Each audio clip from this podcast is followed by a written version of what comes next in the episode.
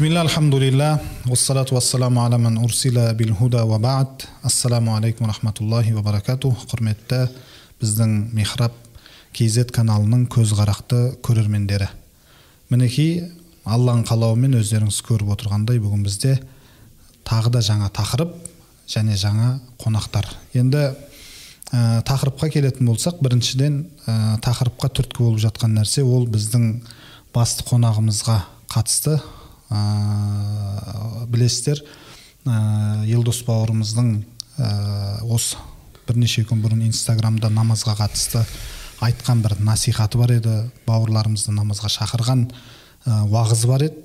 Сол намазға қатысты намаздың төңірегінде сол уағыздың төңірегінде сұхбатымызды өрбітетін боламыз. Енді қонақтарымызды қысқаша таныстырып кететін болсақ ә, орталық қазақстаннан қарағандыдан ат терлетіп міне жұмаділдә елдос бауырымыз келіп отыр екен. Теміртау ә, қалалық мешітінің бас имамы. Қош келдіңіз елеке. Алла тағала ә, басқан қадамыңызға береке берсін иншалла. Ә, енді екінші қонағымызға келетін болсақ ә, енді бұл төкеш қыран деген бауырымыз енді бұл бауырымызды ә, мына жерде таныстырғанымыз артық болар. Себебі теледидардың алдарыңыздағы көгілдір экраннан түспей барлығыңыз танитын білетін күнделікті көріп жүрген ә, еліміздің азаматы. Енді бірден тақырыбымызға кіріссек елеке ә, білесіздер енді бұл подкаст ә, платформа подкаст жобасын білесіздер ғой бұрын соңды болғансыздар ма? Болмағансыздар ма? Енді бұндай ә, жерде болған жоқпыз. Бірақ енді көріп жүрік қой жалпы қалай болып жатқанын. Жалпы бейтаныс дүние емес. Иә. Енді қыран бауырымыз білетін шығар енді. Жоқ мен бірінші подкастта. Иә. Иә интервью болған бірақ енді мынандай форматта бірінші рет. Бірақ көріп жүрік бізде. Машалла алла разы болсын. Дұға қылып қойыңыздар дұғаларыңызға қосып жүріңіздер иншалла. Енді тақырыпқа кірісетін болсақ өзіңізден бастайын елеке. Жалпы реттегі бұл біздің отырысымызға түрткі болған өзіңіздің видеоңыз инстаграмда тарап жүрген аллаға шүкір көп қаралым жасалды. Алла тағала қабыл қылсын. Ертең иншалла соның қияметте жемісін көріңіз. Енді бұл осы намаз намазға келсек бұл бес уақыт намаз. Алдыңғы үмметтерде де мысалы әр үмметте құлшылық парыз болды білеміз.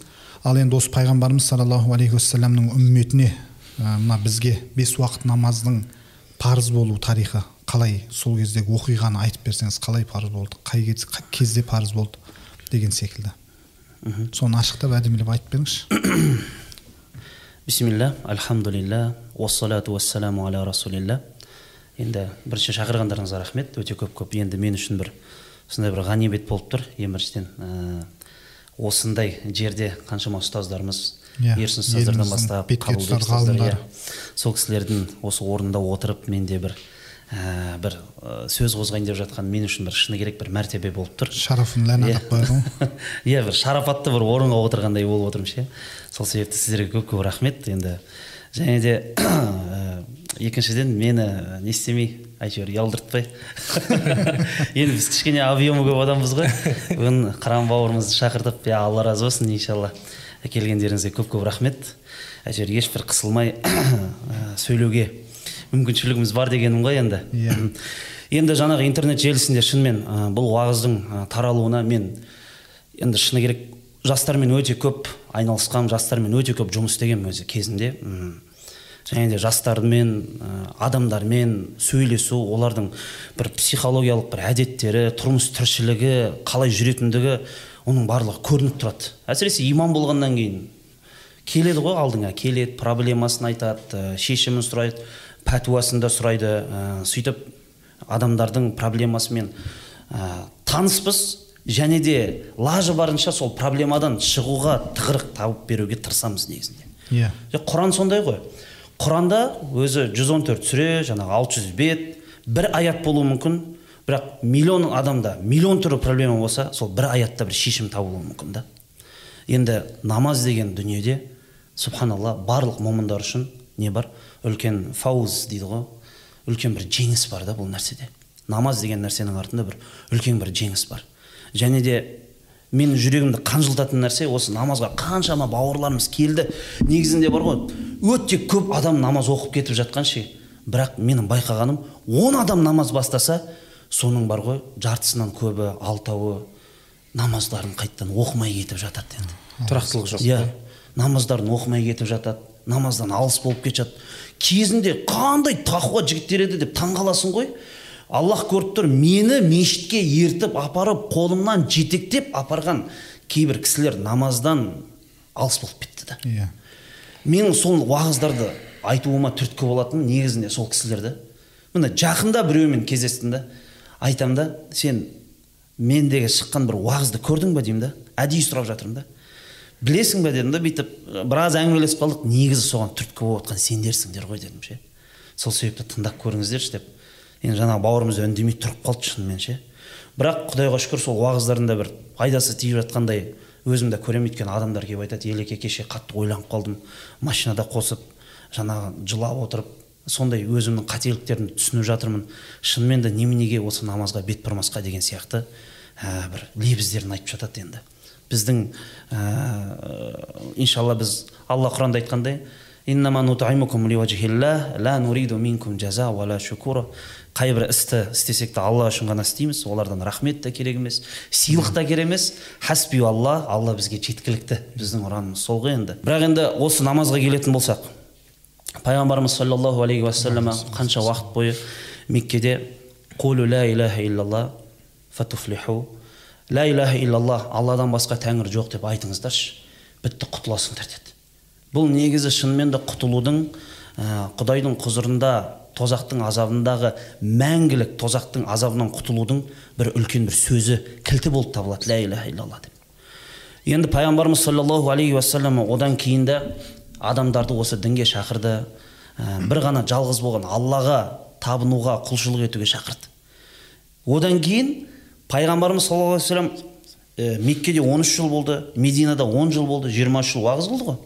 Сол меккедегі уақыттың оныншы жылы келген кезде оныншы жылы келе бастаған кезде а жоқ иә сол оныншы он бірінші жылдары келе бастаған кезде пайғамбарымыз саллаллаху алейхи уассаламмен түрлі оқиғалар бола бастады. Яғни ол оқиғалар жаңағы пайғамбарымыздың көкесі қайтыс болды. Жаңағы әбу тәліп деген көкесі қайтыс болды. Дүниеден өтіп кетті. Пайғамбарымыз саллаллаху алейхи уассалам жүрегіне бұл қатты тиді. Өйткені пайғамбарымыздың көкесі әбу тәліп ә, пайғамбарымызды қамқорлығына бөлеп пайғамбарымыздың дінін ұстанбаса да бірақ пайғамбардың сөзін сөйлеп жүрген азамат еді да. Үлкен бір былайша айтқан кезде ә, поддержка дейді ғой поддержка беріп жүрген пайғамбарымызға қолдау көрсетіп жүрген адамның қатарынан еді да. Бірақ пайғамбарымыз саллаллаху алейхи вассалам ол кісі дүниеден өтіп бара жатқан кезде қайтада жанында тұрып алып көкетайым ля иляха иллаллах деп айтшы менің дінімді қабылдашы осы ислам дінін қабылдашы мені пайғамбар ретінде мойындашы деген кезде де сонда да ол сөздерді айтпай кетті. Пайғамбарымыз саллаллаху вассалам жүрегі қатты қайғырды. Алла тағала құранда аят түсірді.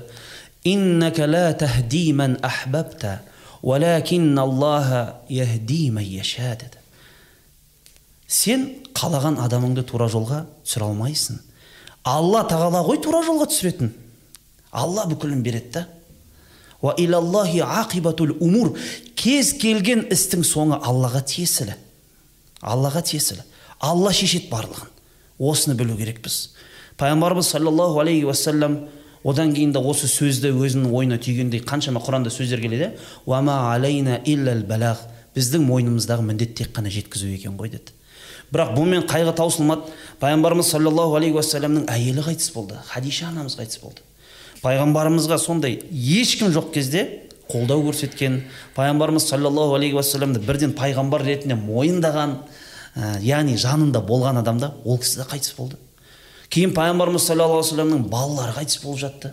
Пайғамбарымыз саллаллаху алейхи уассалам кейін таиф деген жерге барды сол меккеден алыс емес жерде таиф деген қала орналасқан сол жерге пайғамбарымыз сол жерге уағыз қылып көрейін енді меккенің мүшіріктері тыңдамай жатқан кезде басқа біреулерге айтып көрсем қалай болады деген олар пайғамбарымызды алдын ала күтіп алып кішкентай балалардың қолдарына тас беріп қойып күтіп алды ғой.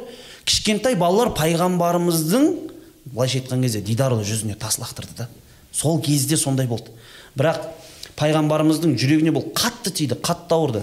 Сол кезде біз анау ата аналарымызға дінімізді жеткізіп жатқан кезде айттым деп жаңағы сөйтеміз ғой айттым оларға түсінбейді олар совет үкіметінің адамдары деп ше? Иә. бірақ пайғамбарымыз сол кезде тұрып не деді?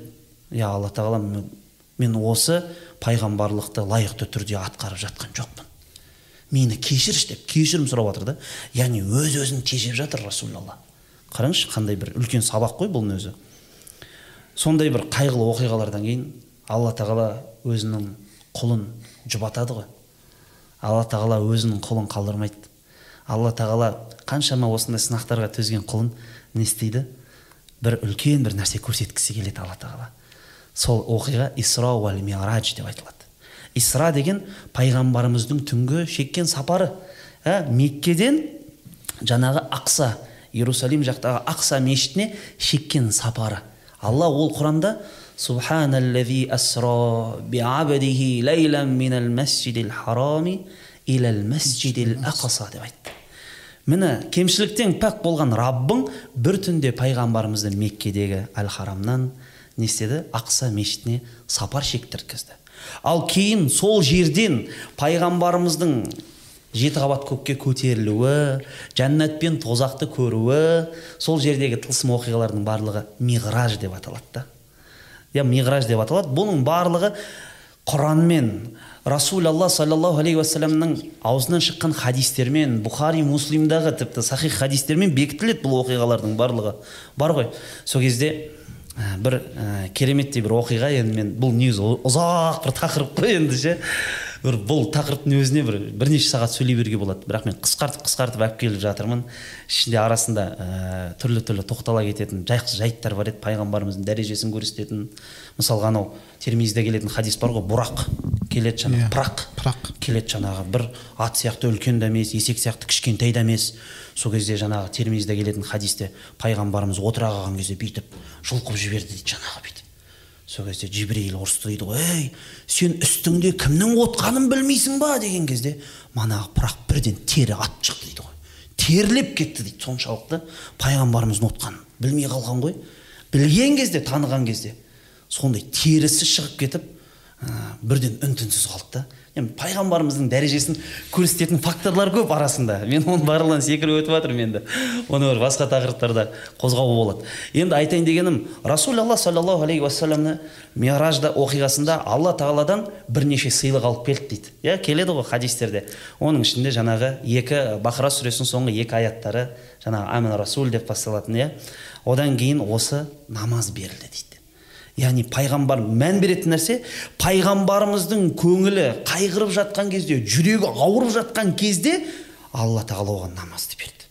Демек жүректің емі жанның рахаты мен тыныштығы ол негізі намазда түсінген адамға оны лайықты түрде орындай алған адамға.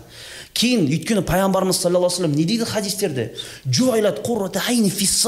Менің көзімнің қарашығы менің намазымда дейді да пайғамбарымыз. Мынандай хадистерде кездеседі адам суға тояды дейді адам тамаққа тояды дейді. Бірақ мен намазға ешқашан тоймаймын дейді ешқашан тоймаймын. Пайғамбарымыз намазға ғашық болған адам да. Намазды мынау аяқтары ісігенше намаз оқитын. Термизиде келетін риуаяттар. Айша анамыз келіп я алланың елшісі Өткен қателіктер болса келешекте жасалынатын бір қателіктер болса барлығын кешірдім деп тұр ғой. Алла тағала құранда неменеге өзіңді қинай бересің? деген кезде «Афала акуну абдан шакура». мен шүкіршілік етуші құлдардың қатарынан болғым келеді деп айтты. Яғни намазға деген сондай несі? Пайғамбарымыздың махаббаты. Аяғы ісігенше оқитын. Бір жақсы сөз таралып жүр ғой. Аяғы ісігенше намаз оқитын пайғамбардың көзі ісігенше ұйықтайтын үмметі болып кеттік дейді да қараңызшы қандай сөз? Осыған қатысты тағы бір ғалымның мынандай бір сөзін оқып жүрегім мүлдем ауырып кетті. Айтады баяғыда дейді аналарымыз өзінің балаларын емізген кезде балам батыр болсын ғалым болсын деген ниетпен емізетін еді дейді да. Тақуа болсын деген ниетпен. Сол себепті анау өлең жолдарында айтылады ғой құнанбайды анасы дәретсіз емізбеген абай туды тектілік негізбенен дейді. Абай сондай тектіліктен туды да. Ал қазіргі аналар дейді балаларын ұйықтату үшін емізеді дейді е мынау ұйықтасыншы тез тез мазамызды алып бітті ғой жаңа үйде де ей емізші ананы тез тез қайта қайта мазаны алып бітті ғой деп Жұбату үшін. иә жұбату үшін сол үшін ұйықтату үшін емізеді да басқа ниет жоқ дегендей ғой былайша айтқан кезде, жаңағы иә енді ғалымның сөзін қараңызшы айтады сол себепті мына үммет ұйықтап жатыр қазір дейді баяғылар е ниеті сондай еді ал қазіргілердің ниеті ұйықтату үшін ғана болғаннан кейін мына үммет қазір ұйықтап жатыр дейді жұма намазына жиналамыз бірақ таң намазына келе ме адам? Келмей ме? Ұйықтап жатады ұйықтап жатады ғой құдай міне сол ғой. Ал пайғамбарымыз саллаллаху алейхи уассалам ол жанын жұбату үшін үлкен бір қайғыдың кетіретін бір кілт алланың алдында үлкен бір жеңіске жететін нәрсе болып сол кезде пайғамбарымыз саллаллаху алейхи уассаламға бұл парыз етілді да парыз етілді. Және де бұл жерде тағы да бір үлкен оқиғалар бар да. Яғни пайғамбарымыз саллаллаху алейхи уассаламға осы бес уақыт намаз парыз етілсе дағы бәрібір не елу уақыт намаздың сауабы жазылады да. Өйткені басында елу деп айтады ғой алла тағала әй мұхаммед міне саллаллаху алейхи уассалам сенің үмметіңе елу уақыт намаз парыз болды деген сияқты. Осындай бұйрықты айтады. Сол кезде мұса пайғамбар айтады ғой пайғамбарымыз саллаллаху алейхи вассалам айтады сенің үмметіңе бұл ауыр тиеді. Мен адамның ұрпақтарын білемін мен баяғы, баяғы бани исраил қауымындағы адамдарды білемін ғой танимын ғой мен бастан өтті ғой деген. Былай, біздің тілмен айтқанда мен кішкене психологпын олар оны орындай алмайды елу уақытта деп айтады. Пайғамбарымыз саллаллаху алейhi қырыққа түсіреді. Пайғамбарымыз саллаллаху тағы да о- о- жаңа мұса айтады оны да орындай алмайды дейді отызға түсіреді оны да он жиырмаға түсіреді оны да орын онға түсіреді оны да орындай алмайды дегенде бесеуге түсіреді ғой. Е бұны да орындай алмайды ау деген кезде. Жоқ болды. Раббымның құзырында бұдан артық жеңілдік сұрауға ұяламын деп айтады да. Көрдіңіз бе? Бірақ алла тағала дейді елу деп айтып жатып бізге ә, ұстазымыз түсіндіріп берген еді. Елу деп айтып жатса дағы алла тағала бәрібір бес уақыт болатынын білді дейді бәрібір. Намаздың бес уақыт болатынын бірақ неге елуден бастады дейді? Себебі оның хикметі мынада дейді. Ана сіз балаға бірдеңке мысалы жаттауға беретін кезде мысалға медресе оқып жүрген бала төрт бет құран жаттап кел десең ол барады да ертең екі бет жаттап келеді да. Ал келесі керісінше екі бет құран жаттап келсең ол бір бет жаттап келеді е сабағыңды ең болмағанда төртке оқышы десең ол үш алып келеді деген сияқты ғой. Ал енді бұл жерде сол себепті аллах тағала елу деді бәрібір білді өйткені бесеуге түсетін да. Бірақ термизиде келетін хадис бар. Я мұхаммад не дейді? Ей мұхаммед дейді. Алла тағала ә, иннака хамса хамсин дейді. Осы бес уақыт намазыңмен сол елу уақыт намаздың сауабын мен бәрібір берем деп алла тағала сондай бір нәрсені айтады? Алланың рахымы Иә. мейірімі ғой енді. Иә альхамдулилля сонда үшін намаз оқып жатқан кезде он уақыт намаздың сауабын алайын деп жатырмын деп иншалла сондай бір ниетте болу керек па? Сондай бір алланың мейірімінен үмітте болу керекпіз ғой. Әрдайым бұл нәрселер не үшін айтылады? Сен үнемі ешқашан да алланың мейірімінен үміт үзбеу керексің. Анау абдулла ибн масуд радиаллаху анху келетін бір кішкене кішігірім оқиғалар бар ғой. Анау мешітке келеді екен да абдулла ибн масуд ана жұма намазына бірінші келген адамға анандай үлкен сауап бар. Екінші келген адам қойды құрбандыққа шалғандай үшінші келген тауық келеді ғой сөйтіп. Сөйтіп үшінші келіп қалады екен да. Қараса екі адам келіп қойған да мешітке. Үшінші келіп қалып айтады екен я алла тағалам төртінші емеспін ғой деп айтады дейді ал ә, бірінші қатардағы намазда оқыған кезде жамағат намазбен бірінші қатардың сауабы көп қой. Екінші қатарға отырып қалса я алла тағалам үшінші қатарда емеспін ғой деп айтады екен да алланың мейірімін рахымын өзіне қайта қайта жақындатып жатыр да я аллахым үшінші қатарда емеспін ғой я аллахым төртінші емеспін ғой иншалла бір рахымына мейіріміңе бөлеші деп. Былайша айтқан кезде ә, кімге жағымпазданғың келеді? Аллаға жағымпазданған ең жақсы жағымпазданып болады да. Иә. Сол себепті міне оның кішігірім тарихы енді осылай деп ә, тоқтала кетсек. алла разы болсын бауырым. Ә, керемет әдемі ашықтап бердіңіз. Енді мынау осы намаз ә, қанша жастан бастап парыз болады міндет болады? Ә, мұсылман баласына ә, қанша жасынан бастап міндеттеледі? Кейде біреулер әлі жаспыз деп жатады біреулер пенсияға жақындап пенсияға да оқимыз деп жатады мысалы. Әркімнің үзірі себебі әр жаңа айтатын үзірі әртүрлі да. Иә сосын балиғат жаста деп айтып қоя саламыз мысалы мешітте мінбәрларда балиғат жаста деп айтып қоя саламыз. Енді сол балиғат жас мысалы қай кезден басталады? Ә, осы екі сұрақты әдемілеп жақсылап айтып берсеңіз. Иә дұрыс айтасыз бұл өте бір керек тақырып қой. Осы жерде адамдар көп білмей жатады. Шынымен адамдардың көбісі ойлайды екен намазды ол пенсияға бастағаннан кейін деп. Иә. Пайғамбардың жасына жеткен кезде бастаймын деп ше? Алпыс үштен кейін деп айтады иә алпыс үштен кейін дұрыс айтасыз көп естідік қой. Негізі қырық жас қой иә былай негізі сол ғой ана көрдіңіз қате түсінік та. Пайғамбар жасы қырық жас пенде негізі пендешілік қой енді. Иә. ары қарай алып барғысы келеді барынша сосын ол пайғамбардың дүниеден өткен жасы ғой былай қарап отырсаңыз. Сіз пайғамбар дүниеден өтіп жатқан кезде намаз бастаймын деп жатсыз да. Иә. ол ә, былайша айтқан кезде кішкене ауырлау болады да. Сол себепті мынау қырық жасқа ә, пайғамбарлық жас негізі қырық жас. Бұл бірінші ә, енді қателігіміз біздің осы алдындағы айтып жүрген адамдардың ішіндегі. Енді одан кейін намазды шынымен қашан бастаймын? Намазды негізі ерте жастан қазір жасында айтамыз ерте жастан бастай беру керек негізінде. Жасы ерте жастан бастап оқыта беру керек. Мысалы кеше де бір ә, алла разы болсын бір сырым деген бауырымыз бар осы нұр мүбарак университетінде сабақ беретін айтады да. Біз ана ойлаймыз дейді да исламда көп тыйымдар бар деп ше. Білесіз бе неге дейді? Өйткені сіз намазды елуге келіп бастағансыз. Сіз отызға келіп бастағансыз қырыққа келіп бастағансыз. Ол уақытқа дейін сен сол тыйымдардың барлығын жасап жүрдің да.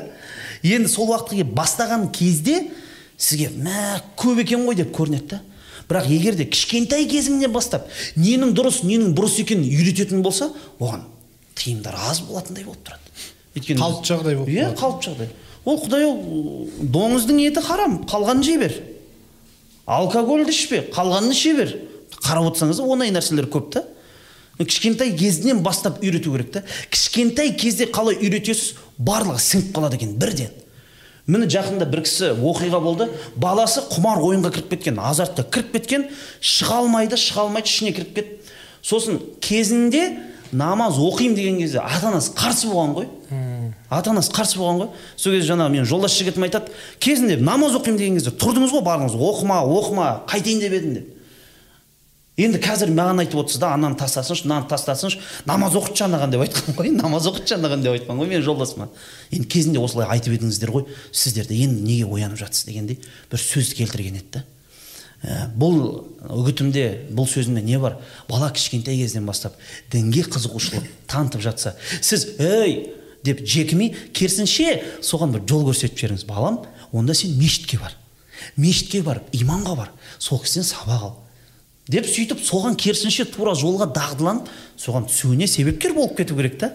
Ә, керісінше өз өзімізбен жаңағы бала шағамызбен ә, байланыс орната алмай жатамыз да. Ә, бұл да осындай бір нәрсе да енді тағы да айта кететін нәрсе кішкентай кезіндегі жаңа айтып кетіп жатырмын ғой сіңіп кетеді деп барлығы. Андай бір ә, пайғамбарымыздың хадисі бар ғой бір оқиғада сондай. Анау ықылас сүресі жайында. Бұл термизидің риуаятында келеді. Ә, кімде кім ықылас сүресін бір рет оқыса ол құранның үштен бірін оқығанмен бірдей дейді жаңағы сүлес үштен бірін. Бір рет оқыдыңыз құранның үштен бірін оқығанмен бірдей сауап аласыз. Одан бөлек тағы да хадисі бар екен. Он рет оқысаң алла тағала жәннаттан үй тұрғызып береді деген. Бұл да жаңағы термизидің риуаятында келеді да. Былай қарап отырсаң енді жай оқи салған емес енді әлбетте мағынасын түсініп Ықыласпен. ықыласпен иә, шынымен алланың бір екенін мойындап деген сияқты ғой. Сөйтіп бір апамыз осыны жаңағы немересіне айтпай ма е он рет оқысаң жәннаттан үй салып береді? деп. Жаңағы немересі барып кітапшасын ашып алып бірден құл аллаху ахад! деп оқып жатыр дейді. Апасы келіп айтқан ғой ей апасы келіп қосылып оқып жатқан ғой бірге. Оқып жатса жаңағы немересі айтады дейді апа сіз оқымаңыз деп. Неге десе сіз менімен бірге тұрасыз ғой деп айтады дейді да түсініп отырсыз ба? Жәннатта үй салып береді деп айтып еді. Апа сіз оқымаңыз менімен бірге тұрасыз ғой деп айтады дейді. Ана баланың қорқынышы апасына жеке үй салынып береді жеке үй салынып беремін. Сөйтіп екеуміз екі жақта тұрамыз деген қорқынышы бар да. Субханалла қараңызшы кішкентай кезіндегі тәрбие қалай сіңеді да? Кешегі анау инстаграмда арман ұстаздың айтқан оқиғасы сияқты ғой. Бір оқиғаны әдемі оқиғаны айтып береді. Ә, мешітке имамға бір кішкентай ә, бала келіп жаңа ата анама ә, білдіртпей құран жаттасам бола ма деген ә, сұрақ Иә. қояды ғой. Сөйтіп ана кісі таңқалады бұл бұн- бұндай балаға қалай ата анасы тыйым салады деген секілді. Сөйтіп иә болады дейді. Ата анаң тыйым салса да сен қарама енді ол кісі басқаша түсініп жатыр да. Ә, толық сұрақты ашып айтпағаннан кейін кішкентай бала болғаннан кейін. Ата анаң тыйым салса да сен құранын жаттай бер дейді да. Тоқтама құран жаттату дейді. Сөйтіп жаңағы кішкентай бала кетіп бара жатқаннан кейін артынан барып білейінші осы не себеп болды? деп сұраған кезде әлгі баланың айтқан жауабы анау құран жаттаған баланың ата анасына басына ә, Алтын жәннатта ал, жаңағы маржандары жаңағыдай маржан тасы бар алтын тәж кигізеді дейді ғой соны естіп алған дейді да. Сол ата анама жәннатта бір сыйлық жасасам деп едім деп жауап берген екен да. Сол секілді болып тұр ғой жаңағы бала. Иә енді көрдіңіз ба қалай? Енді керемет нәрселер ғой. Иә. енді сол үшін мен бірінші осы нәрсені айтып жатқан дүниемде бірінші айтайын дегенім негізінде кішкентай баланы ә, жас кезінен бастап осындай жақсылыққа имандылыққа адалдыққа дағдыланатындай бір тәрбие бере беру керек негізі иншалла. Ал ә, қанша жаста бастаймын десе пайғамбарымыз саллаллаху алейхи уассалам өзінің хадистерінде келтіреді ғой жеті жастан бастап балаларыңа намазды үйретіңдер дейді. Яғни үйретіңдер дейді кейін олар 10 жасқа толған кезде оларды намаз оқуға енді бұйырыңдар дейді да. Оқымаймын десе де оқытқызатындай бір дәрежеде бұйырып бір амалын тауып істеңдер деген сияқты пайғамбарымыздың өсиеті бар. Ә, енді біздің фиқ кітаптары тағы да осындай бәрібір пайғамбарымыз саллаллаху алейхи уассаламның осындай сөздері бар құрандағы да аяттар бар балиғат жасы жайында тұрылатын иә. Ха? Ә, сендер балиғат жасқа жеткенше дейін деген бір ая- аяттар кездеседі құран кәрімде. Осы аяттарды алып бала қай жаста намаз оқу керек десе балиғат жасына жеткен кезде. Балиғат жасы қашан деген кезде иә ер адамдарда оның да бір өзінің өлшеуі бар ә, әйел адамдарда қыз балаларда да оның біз өзінің өлшемі бар яғни өзінің белгісі бар. Ол балиғат жасына жетіпті. Ә, ер бала балиғат жасына жетіпті ері жетіпті деген сияқты. Осы мысалы табиғатына ыыы, жаңа болмысына қарала ма? Әлде белгілі бір жас бар ма шектеп қойған Енді- қасиет шариғатымызда белгілеп берген нақты? Иә. Ә, негізінде сөйтіп кейде кейбіреулер балиғат дегенді жаңағы кәмелет жас деп түсінеді екен. он сегіз жас деген секілді. 18 Сол үшін жас арасын айырып айырып Иә. беру керек та. Бұл енді біздің заң тұрғыда ғой біздегі балиғат жас жаңағы кәмелет жас деп конституционный 18 жас. Жаңағы сондай дүние ғой енді рас қой мысалға неке қиған кезде мешітке келіп имамның алдында бір құдайдың алдында пропискаға тұрасың да сен семья болдың деп. Ал жаңағы загске барған кезде алланы не мемлекеттің алдында пропискаға тұрғандайсың да енді.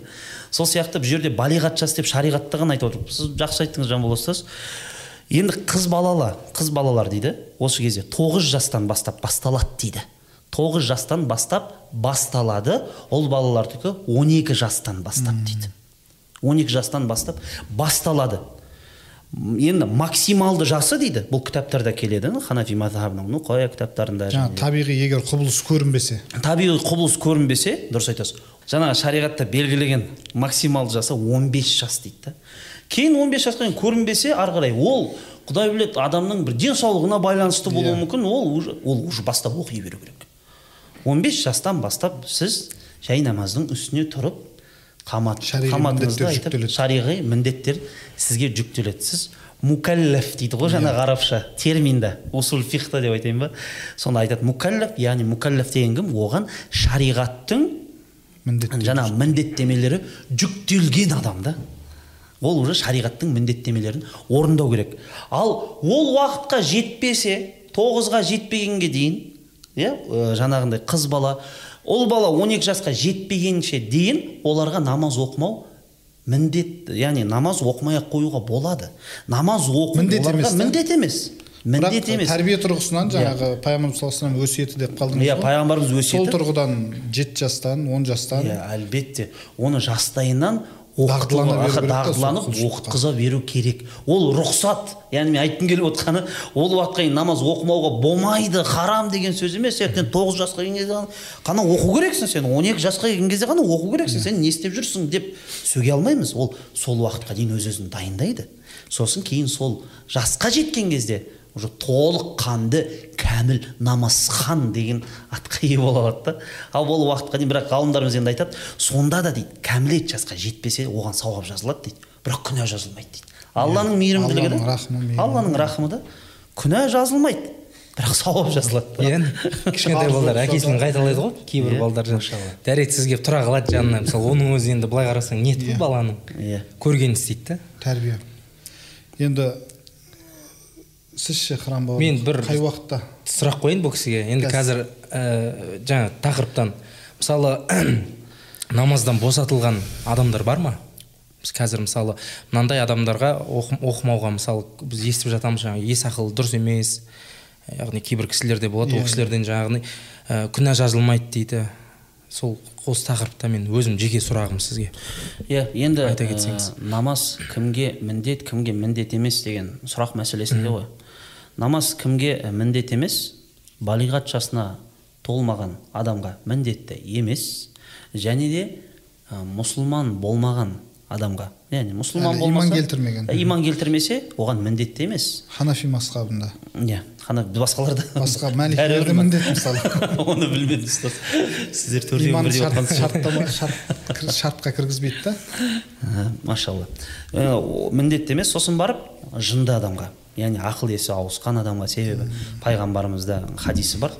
Үш түрлі адамнан қалам көтерілді дейді. Яғни оларға жазылмайды дейді. Сол кезде жынды адам есі кіргенше кішкентай бала ақыл есі ә, жаңағындай балиғат жасына жетпейінше деген сияқты пайғамбарымыздың осындай хадистері бар. Яғни жынды болса мұсылман болмаса ә, балиғат жасына жетпесе оған міндетті емес намаз.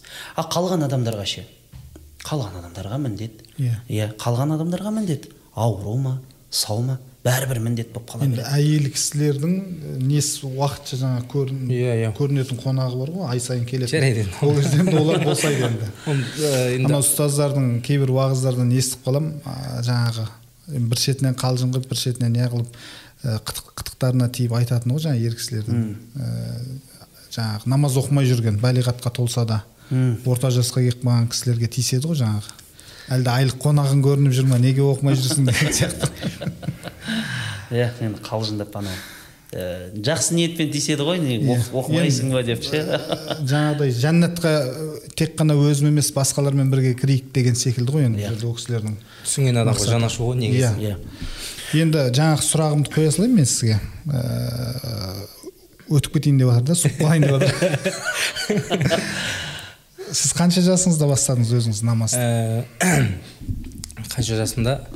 Мен ә, 2014 жылы.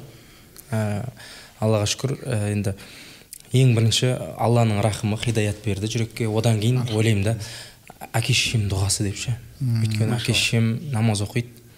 Ә, осы уақытқа дейін енді сол жасыма дейін ә, мен бір ә, мән бермеппін. Мән бермегенде жаңағы жұма намазына барып жүрдім. Жұманы жұманы жібермеймін әйтеуір құдайға шүкір. сөйтіп барып жүрген кезде ә, бір менде не болды да? Жаңа сіз айтып жатсыз ғой басына проблемалы түскен кезде дегенше сондай бір проблема емес енді бірақ депрессия болды. Мен өзімде енді түсініксіз болды да мен өзім бір жеті ай көптеген ә, сұрақтар болды жауабын табылмаған мен үшін сол кездегі. сөйтіп енді бір ә, көкейдегі сұраққа мен өзім үйреніп қалдым да жауап іздеп.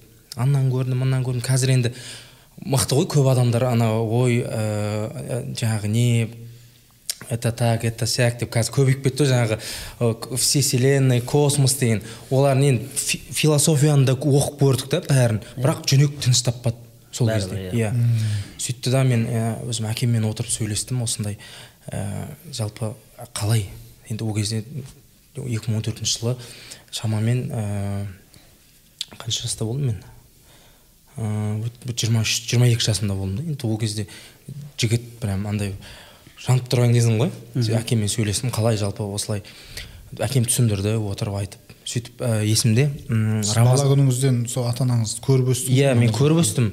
Ә, ата анам көріп біздің әулетте дейді ғой. Мысалы мен жиендерім де намаз оқ- оқыды да сол ә, жиендерім. 15 жасында біреулер жаңағы. Біреу 16-18 жасында бастап кетті да алланың қай уақытқа бұйрық келді сол уақытта бастады енді. Соны мен қазір ойлаймын ғой сол ата анамның дұғасы деп сол әкеммен деп дидарласып отырмын да. Сосын әкем айтты міне ораза рамазан айы келе жатыр. Сол бисмилля деді таң намазына тұрып кет деді да. Ойлама ештеңені деді ше енді. Ол қиын болады деді. Өйткені сенің нәпсің семіріп алды да. Жаңа сіз айтып отырсыз ғой жас кезінен басталған жең енді ана жиырма екі жастағы нәпсіні ойласаңызшы қандай мысалы көп нәрсені тәрк ету керек болды да. Иә. сол әңгімені ашығы нәрседен Иә. тосылу керек. Әкем айтты сөйтіп бастап кет ә, жаңағы рамазанда жеңіл болады. Сөйтіп жүрген кезде әйтеуір алланың қалауымен ә, жаңағы ермек ұстазыммен де жолығып қалдым көкірекбаев. Ол кісі ол кісі айтты адам баласы деді. Егер бір дүниені ә, қайталап 21 күн тұрақты түрде істесе дейді да ол адам оны алып кетеді деді. Сол сөз қатты әсер етті да маған. Иә. ол кісі айтты ә, дәрет әрқашан дәретпен жүр деді да. Мейлі сен намаз уақыты кірсін кірмесін дәретпен жүр деп. Бұйырып қалды да ол кісі. Сөйтіп ә, өзімде бір былай мен қызығушылық болды. Біз мешітке барып жүрдік. Сосын ана бір сөздерді естідік. Ә, ең абзалы таң намазы мен кешкі құптан намазын мешітте оқығандар деп сон сөйтіп әкем де солған дағдылай бастады да. Сөйтіп сол ата анамның дұғасы алланың қалауы бірінші сол ата анамның дұғасымен сөйтіп намазға тұрдық. Алхамдулилля қазір машалла керемет. Елеке сіз ше өзіңіз қанша жастан бастадыңыз? Енді біз ә, жаңағы конституционный балиғат жастан бастадық осы он сегіз жасымызда. Кәмелет жасқа толғанында дейсіз иә. ғой он сегіз жасқа кәмелет жасқа толған кезде ана алланың қалауымен ол ә, осыдан екі мың оныншы жылы жаңағы кәдімгідей колледжде оқып жүрген кезіміз ғой ешқандай неміз жоқ әйтеуір өз бетімізбен. Сол кезде таңқаламын да ешқашан мешіттің табалдырығын аттап бір мешіттің азанына бір мән бермейді бір намаз оқыған. Сол класстасым болатын ұлан деген әлі, әлі намаз оқиды ол алла разы болсын сол. Сол сегізінші класстан бері намаз оқиды сол бар ғой үйіне барамын вообще мән бермейсің ғой мүлдем ә, білмеймін андай сұрамайсың да ғой «Ей, сен не істеп жатрсың деп. Сен намаз дейді болды. Сонымен жүре береді. Демек алла тағала мүлдем сол кезде бір білмеймін ішімде оған ашып тұрған жоқ па өзім. Сөйтіп ойлаймын да. Сөйтіп қараңызшы қалай болған бір күні өйстіп бір жолдас жігіт бар жаңағы аты ғабиден аттарын айта берейін. Күнә жасап жатқан күнә жасап жатқан жоқ қой. Сол бүйтіп айтады елдос ертең мешітке барайық дейді. Е ғабиден қой айналайын мешітке бармаймын мен деймін да. Ей жоқ ертең келсейші келмеймін дедім. Келсейші келмеймін екеуміз алыстап бара жатырмық бір бірімізден алыстап. Ей кешке қарай маған соқ деп мен келмеймін деп ше. Соңына дейін сөйтіп айтып кеттім. Үйге барамын да анама барып айтамын ғой анашым қазір барып толық ә, бір жуынып алып мешітке барсам деп едім. «Е, өзің біл бара бер деп. Анамда ешқандай қарсылық жоқ. Машалла керемет бардым толық жуынып алдым. Басыма жаңағы ақ тақияны киіп алғанмын тойда беретін анандай кішкене ақ тақиялар бар ғой. Ішінде мадейн чайна деп жазылып тұратын. Тойбастардың иә тойбастардың тақиясы дұрыс айтасыз соны киіп алғанмын үстімде спортивка сондай мешітке бара жатып. Альхамдулилля солай қалай бірінші күні бардым аллах көріп тұр ғой. Бірінші күні қалай бардым содан мешіттен қалған емеспін мен альхамдулилля бірден алла ашып қойды мешітте намаз оқимын күшті. Сөйтіп мешіттен шығып келе жатамын біреумен иық тіресем ғой бүйтіп иығымды тіресіп жібереді да бүйтіп ох білеміз ғой жайшылық уақытта оның барлығы немен? Ей сен бауырым кең жерді не тарлатып жүрсің деп бір әңгімелер басталып кетеді ғой. Менің иім соғып кетеді да маған қарайды да бауырым кешірші байқамай қалдым бауырым деп сөйтіп. Білмеймін сол бір факторлар ма бір андай мейірімділіктің жанашырлық кешірімділік бауырмашылдық бір қатарда тұру. Сондай мешітке келіп бірден бір аллах тағала жүрекке сол кезде бір үлкен бір не бере салды ма сол күннен бастап айтып отырмын. Қалмай бір жарым ай намазға мешітке келіп жүрдім жаңағы құптан намазына сіз айтқандай. Одан кейін болды ғой одан кейін мешіттен қалмайсың альхамдулилля бес уақыт намазымызды бастап. Сол кезден әйтеуір құдайға шүкір әйтеуір намазда болып келе жатқанымызға өте қатты шүкіршілік етемін. Әлбетте тағы да факторлар болды. Жолдас жігіттер болды уағыз айтатын. Кейін өзіміз де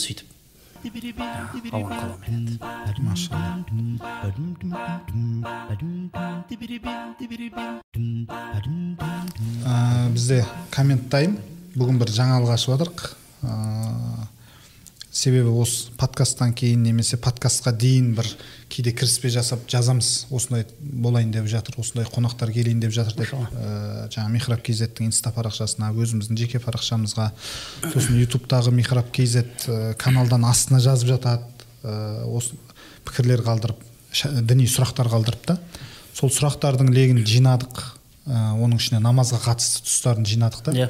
соның бірнешесін оқып берейін. Солардың шешімін айтсаңыз ә, жаңағы көрермендеріміз жауапты болып қалсын осы сәтті пайдаланып. Содан кейін ә, алла бұйыртса иншалла ә, алдағы әр видеоның және әр жаңа михраб kz инста парақшасындағы ә, посттардың астына діни сұрақтарыңыз болса қалдырсаңыздар болады. Иншалла біз осылай ә, коммент таймда әр түсірілімде ә, жауабын ұстаздардан барынша алып қалуға әрекет қыламыз иншалла. Бисмилля онда. Ә, елеке енді намазға қатысты м, бізге мынандай сұрақ келіпті. Көп адам менің жүрегім таза. Маған намаз оқымаса болады деп жатады дейді. Осы қаншалықты дұрыс? Енді бұл жаңа жастар кейде намаз бастайын деп жатса үлкен кісілердің айтатын әңгімесі ғой бұл көбіне. «Е, сен э, не күнә жасап қойдың ба күнәһарсың ба жүрегің ниетің түзу жүрегің таза болса болды емес па деген сияқты да. Иә иә иә. Осы қаншалықты дұрыс осы сұрақ. Машалла. Иә шынымен де жаңағы намаз оқымайсың ба десе мен әлі жүрегім таза тіпті бір жігіт айтады ә, мешітке баратын адамдар баяғыда бандит болған адамдар баяғыда. Жаңағындай оң солды қырған күнәсін жасаған өтірікті айтқан ұрлаған иә сондай адам жүреді мен ондайды ешқанша жасап көрмеген балам деп бір кісі маған айтқаны бар еді жерден ше субханалла. Мешіт енді қызметкерлері не болды деймін да сонда? Асынан кешке дейін мешіттен шықпайтын. мына жерде иә неше түрлі балиғат жасынан бастап кішкентай кезінен намаз оқып келе жатқан адамдар бар ғой. Енді бұл жерде бірінші түсіну керек. Жүрегім таза намаз оқымай ақ қойсам бола ма деген мәселеде ең бірінші намазды не үшін оқып жүрік? Сол мәселеге тоқталу керек қой. Бірінші сіз намазды не үшін оқисыз? Сіздің міндетіңіз болған үшін оқисыз да. Ол біздің міндетіміз. Алла тағала бізге оны бұйырды.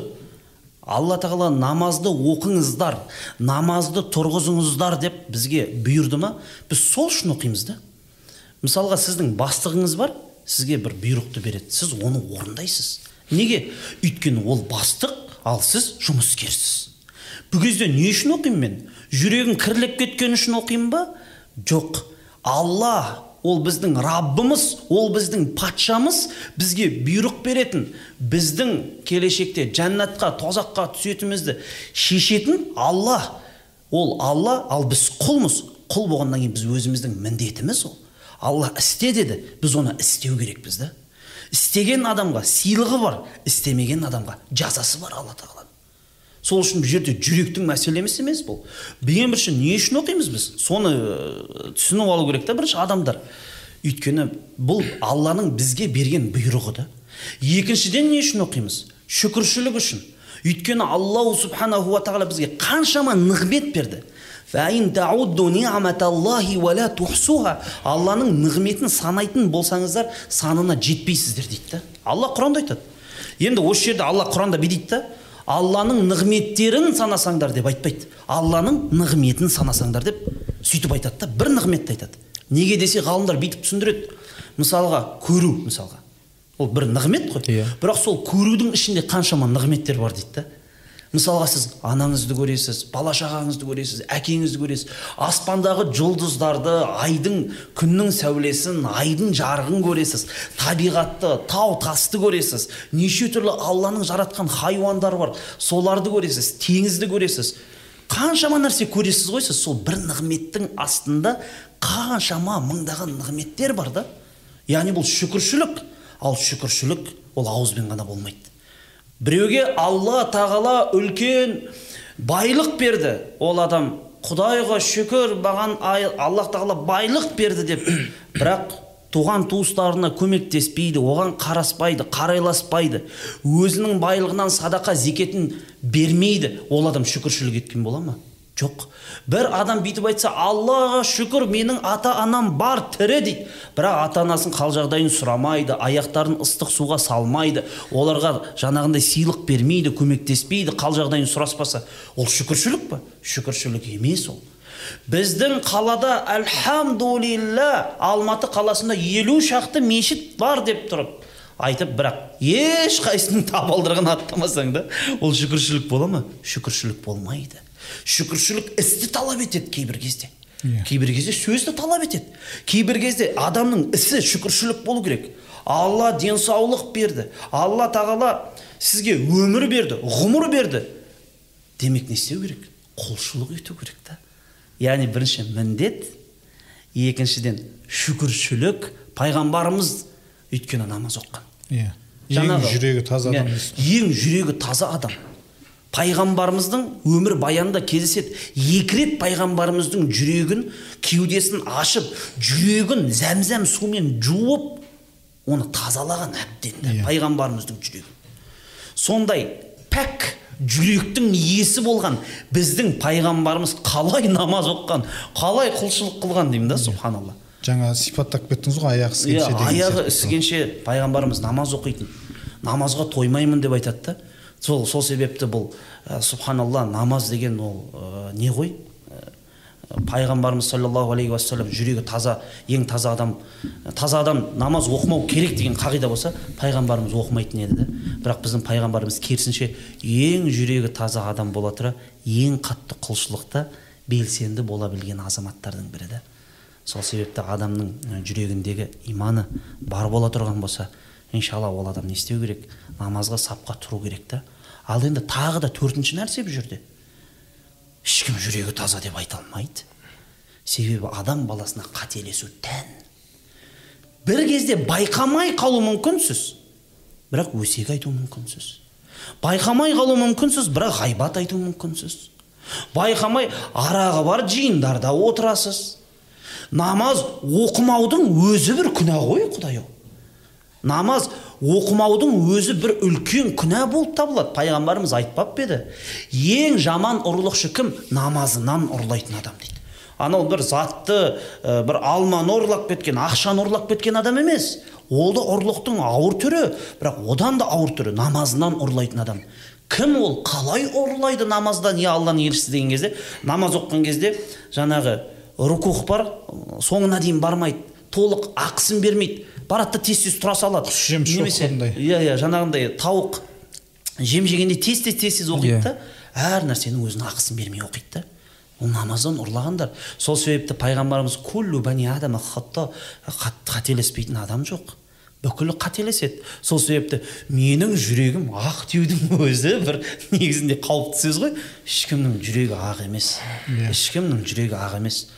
Пайғамбарымыз біз үшін идеал. Сол идеалға ұқсаумен өмір бақи соған жету ә, жетпесек те бірақ соған да жетеміз деген мақсатпен жүреміз біз барлығымыз болмасаң да ұқсап бақ деген иә болмасаң да ұқсап бақ иә айтады ғой жаңағы сондай сөз. Керемет сөз ғой. Машалла алла разы болсын керемет. Енді жаңа сіз ата анам енді сізде бұндай проблема көп болмаған шығар енді. Ата анам себебі кішкентай кезінен бастап. Ә, намаз оқыған көріп өстім yeah. Иә. дедіңіз жаңа намаз оқуға да көбірек әкеңіз ә, ықпалы өтіп дұрыс бағыт бағдар көрсеткен екен. Бірақ көшеде не ағайын туысқандарыңыздың арасында осындай бір ә, сұрақ қойған кісілер болды ма? Жаңағыдай әлі жас емессің ба? Көріп қалмайсың ба? Бұл қалай жоқ ол болды. Ол ә, мысалы қазіргі өзім араласып жүрген достарым да бар енді ше ол олай ә, айтады ғой алланың тарапынан сөйлемеңдер дейді ғой. Мен это оларға айта алмаймын да мысалы ә, мен оларға насихат айтамын. Бауырым мүмкіндік болса намаз оқиық кел. Енді таңдауды өздері жасайды әркім енді. Оларға білмеймін ғой алла қандай жолмен хидаят беретінін иә. Иә мысалы осы жақында осы екі жылдың алдында бір досыммен оқиға болды. Ораза ұстады да. Рамазан айында болды. Ораза ұстады сөйтіп жүрді да намазға келгісі келіп жүрді. Бірақ бір ә, әр адамда болады да ондай бір шешім қабылдай алмай тұр да әлі елу де елу болып тұрады да. Yeah. былай оқимын оқымаймын оқимын оқымаймын деп тұрған кезде ә, ол жолдас жігіт ә, көлік апатына түседі да. Hmm. сөйтеді сол кезде жаңағы шақыртады барады больницаға барамыз да жаңағы сөйтіп ә, бір сол рамазан айында ғой сөйтіп. Жаңағы иман суы дем суын ала бардым да.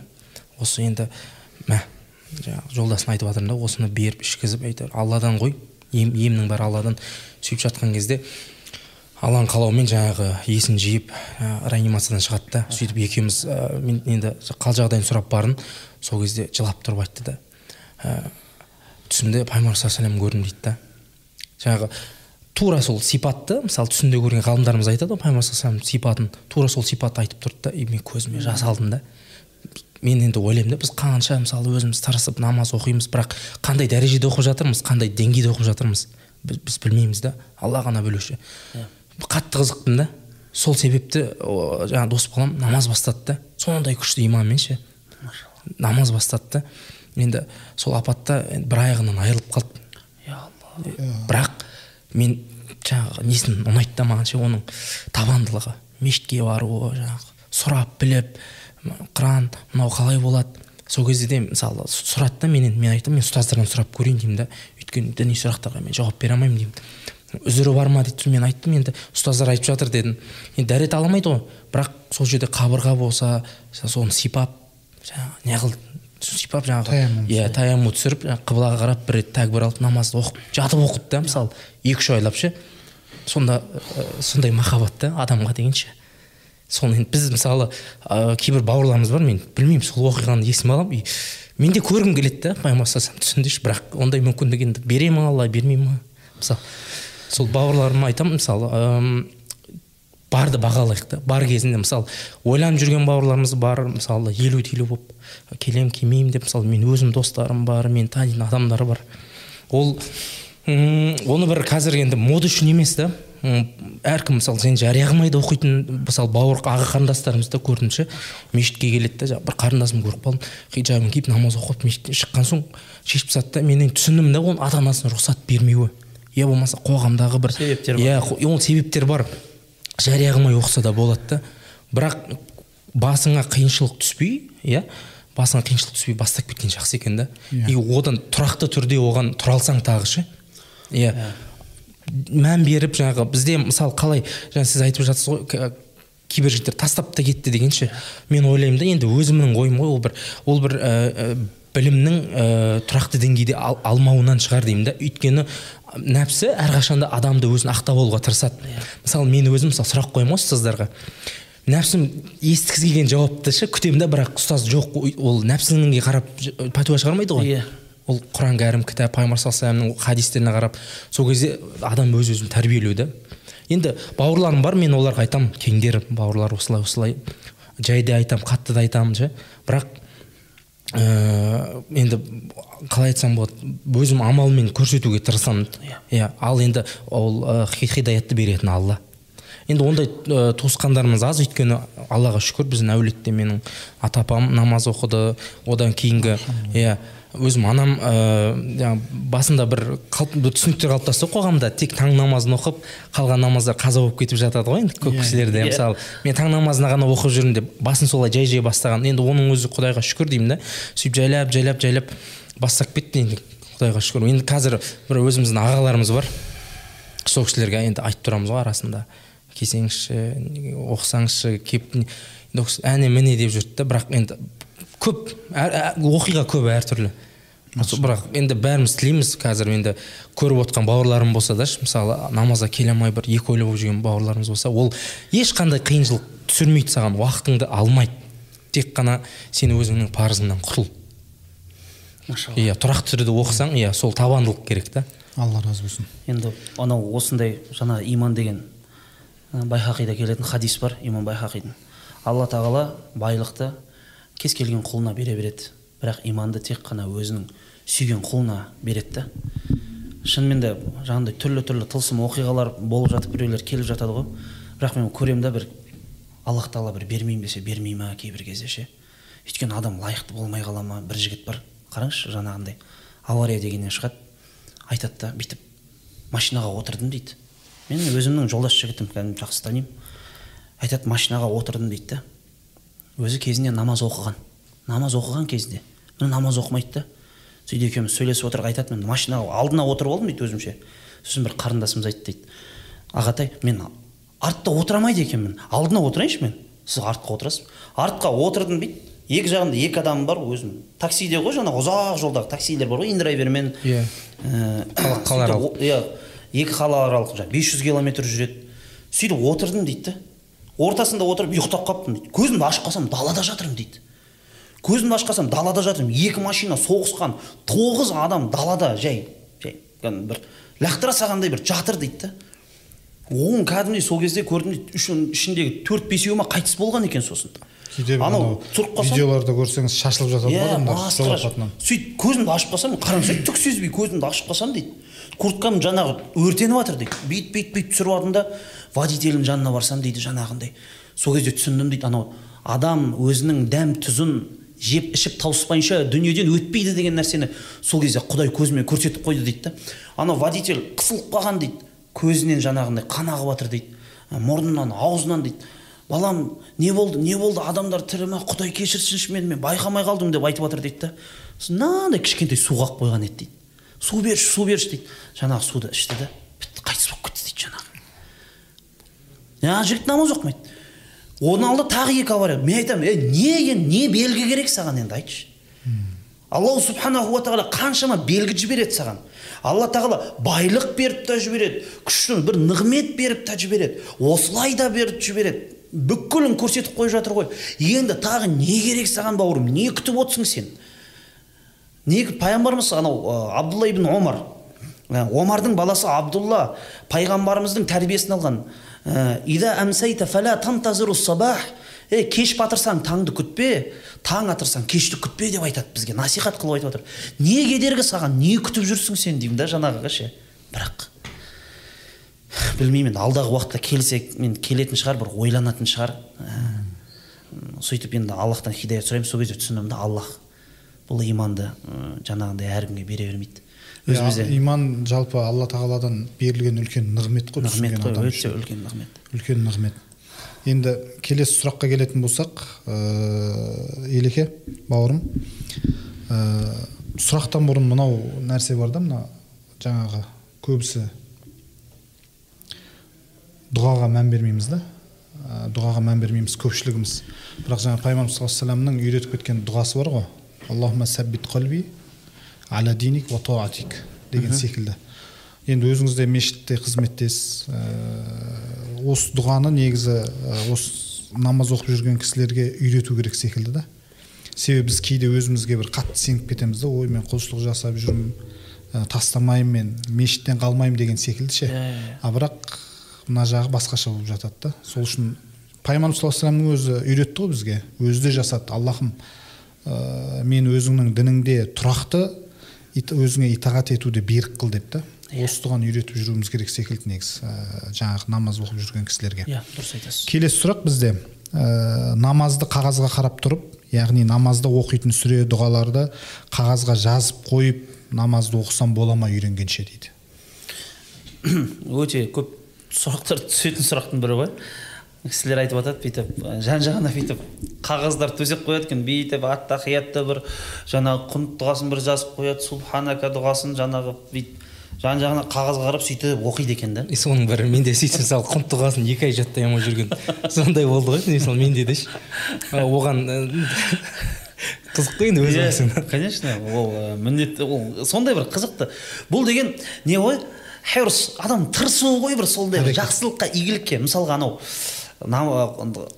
құран оқыған адамға бір сауап бірақ оны қиналып ежелеп оқығанға екі сауап дейді. Не үшін?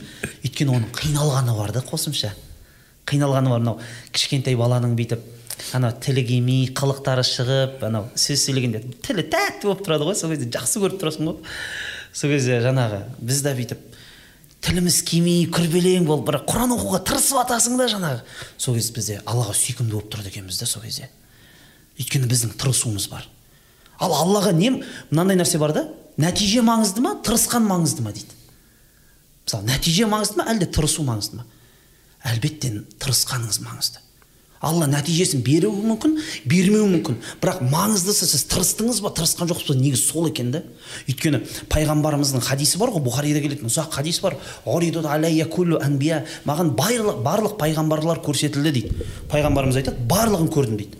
Сол кезде анау қияметте жиналып тұрған кезде дейді кейбіреуінің артында он адам кейбіреуінің артында бесеу кейбіреуінің артында екеу кейбіреуінің артында бір ақ адам ал кейбір адам пайғамбардың артында адам жоқ дейді да. Өйткені ешкім ермеген артынан. Ей сенің артыңнан ешкім ермеген екен? Сен деген түк істемепсің ғой сені тозаққа жіберемін деп айта ма алла тағала сол пайғамбарға. Айтпайды өйткені ол өзінің міндетін атқарды. Көрдіңіз ба енді бұл жерде де не? Сіздің тырысуыңыз маңызды да бұл жерде. Тырысып сөйтіп жүргеніңіз бұл өте бір игілікке ізгілікке бір қадам. Аллаға бір қадам табын жақындасаңыз аллах не дейді? Мен он есе оған қатты жақындаймын дейді. Бұл жаңағындай ә, келетін сахих хадис. Сатпасам муслимнің риуаятында келеді. Он оған он қадам аллах тағала оған да қаттырақ жақындайды он есе қатты. Демек жоқ деп айтпаймыз. Осылай оқып жүреді осылай оқып бастайды. Бірақ әлбетте ә, бүйтіп айтамыз ғой біз әлбетте үйтіп оқып жүре беруге болмайды деп ше мына екі үш бірақ үйтіп оқып жүре бермейтін де шығар адам ше. Адам бір кішкене бір бір екі айлап сөйтіп оқығаннан кейін жатталып та қалатын дүние ғой. Жатталып та қалатын дүние. Ұйқыңнан оятып тұрып жаңағы фатиханы оқы десе оқи бересің ғой жаңағындай. Мынандай нәрсе бар да ә, адамдар жаңағы кітаптағы намаз оқып үйрететін кітаптағы немесе бір парақша жасап алады. Мысалы Иә. ә, алдыңғы жылдары осы алматы ә, мешіттерінде таратылған бір параққа жинаған екі рәкағат намазды сол жердегі барлық дұғаларды жаттап барлық сүрелерді жаттап барып жаңағы мынаны бір шетке қойған дұрыс па? Әлде ішінде минималды ә, деңгейде бір жаттайтын сүре бар. Мысалы қажетті мөлшерде да мысалы. И фатихамен қосымша бір сүре білсең сосын аттахият дұғасын жаттасаң болды жеткілікті қалғанын жауып қой да. Ә, жайлап шетінен жаттай бер бірақ осы үшеуімен намаз оқи бер деген секілді. Осындай нәрсе бар ма мысалы? Иә машалла өзіңіз де ә, бейне бір. Намаздың иә негізгі парыздарын негізгілерін білесіз ғой жан баласы сіз де бір соған бір ә, айтып отырсыз ғой. Жаңағы аттахиятты қосып қойып. Енді ә, мынандай ғой намаз бастау үшін бір қырған жойған бір білім керек емес намаз бастау үшін ең біріншіден ниет керек. Сосын барып фатиха және де қосымша кез келген сүре жанына. Ықылас па кәусәр ма фалақ па нас па кез келген сүре бірақ сүре жеткілікті намаз бастау үшін. Фатиха және қосымша жанына бір сүре. Жаңа сіз айтқандай аттахиятты білсе болды. Өйткені жаңағы аттахият болды осымен намаз бастап кете осымен намаз болады. бастап кете беруге болады кәдімгі иә. Намаз бастап кетуге болады М, ә, жай ғана келіп сұрау керек. Қайсынан қайсысын оқимын аттахиятты қай жерде оқимын? Болды да. Біздің адамдар да қиындатып жібереді кейбір кезде. Бар ғой мен келемін біреуде мен намаз оқиын деп едім деп келеді біреу шынайы ниетімен да. Ей сен ә, нені жаттадың ба жаңағы? Ә, ішінде айтатын салауат раббана атина субханака құнут дұғасын жаттамайынша келме деп сөйтіп айтып жібереді. Анау жаңағы сөйтіп келіп тұрған адамның бүкіл несі? Жаңағы ішіндегі тұрып тұрған соған деген жігерлігі ынтасы бүкіл құртылып қалады. Сонымен мә мынаны жаттағанша қай заман дейді өзі ештеңке жаттамағанына өзі біраз жылдар болып қалған мектеп кезінен бастап. Енді тағы жатта дейді. «Е, онымен қоса арабша жатта дейді оған мүлдем тілі келмей күрбелеңдеп е қойшы деп қайтып кетуі мүмкін. Өйткені шайтан да жұмыс істеп жатыр ғой. Шайтан да жұмыс істеп жатыр ғой субханаллахи азим шайтан алла тағалаға айтпап па еді уәде беріп? «Ла ақъауданна аля сиратикал мустақим кез келген тура жолдың алдында мен отырып аламын я алла тағалам. Яғни кез келген садақаның жолы намаздың жолы зекеттің қажылықтың жолы кез келген игі істің алдында шайтан отырып алады. Сенің ниетіңді бұзады не соны істетпейді бірақ бір амал әрекетін табады ол. Сол себепті сіз шайтан қалай жұмыс істесе сіз де солай жұмыс істеңіз да. Иә шайтанға қырсығып алланың разылығы үшін сіз де солай жұмыс істеңіз. Айналайын бауырым фатиха. Тағы да қосымша бір сүре аттахият болды келе берші. Оқи бер. Қалғандары қосымша айтылатын тек қана сүннеттер. Намаздың өзінің парыздары бар ішіндегі уәжіптері бар сүннеттері бар. Сен мынау екі сүрені білсең жаңағы фатиханы білсең сен не аттахиятты білсең сен негізгі кез келген намазды оқып кете беруге кез келген Аяққа тұрып кетті тек. иә. болды. Бұл себебі кейде мысалы бізде мешітте жүрік қой сұрақ қойып келетіндер бар. Иә. машалла. Кейде өзіміз қиындатып жібереміз да жаңағы елдос бауырымыз айтқандай алдына жаңағы бейнелі намаз тастаймыз да мынаның ішіндегілерді жаттап кел дейсің.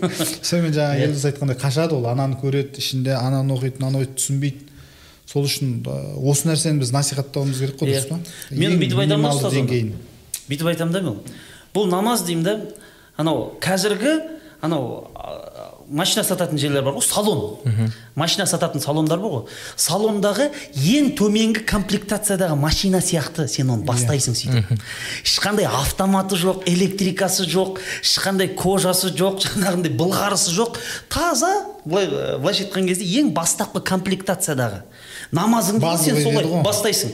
Кейін Дамытасың. қосымша сүре жаттап қосымша нәрселерді жаттап араб тілін меңгеріп өзің жаңағы полный комплектация қылып алып оны мықты қылып алу ол сенің өзіңнің еркіңде тұра тұрған нәрсе да.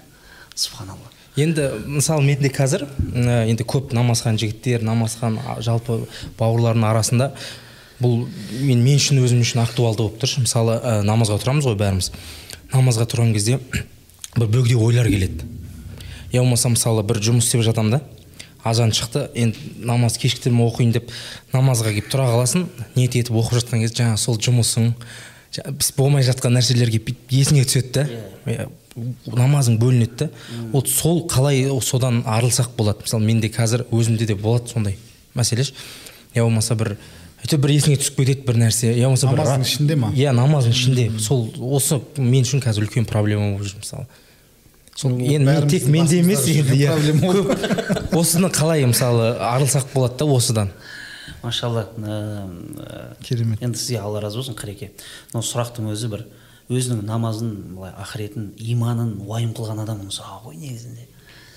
Ә, сол себепті негізі бір үлкен сұрақ бұл. Бір уағыз бұл бір жеке бір подкаст Иә. негізінде ше бұл Ихсан мәселесі. иә бұл подкастқа білмеймін арман қуанышбаев деген кісілер керек па сондай бір иә осындай мәселеде бір үлкен бір сөз сөйлейтін ше бірақ қысқаша айта кететін болсақ біріншіден адамның ә, басы ойдан ада болмайды адамға әрдайым ойлар келіп тұрады олар жақсы болады жаман болады нәпсіден келетін ой болады шайтаннан келетін ой болады.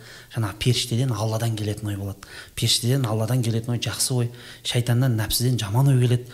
Ол екеуін қалай ажыратамыз деген кезде жаман ой келген кезде ля иляха иллаллах мұхаммад расулаллах аузу биллахи мина шайтан ражим деген кезде жаман ой қашып кетсе демек ол шайтаннан болған. А нәпсіден ой ол қала береді бәрібір ше.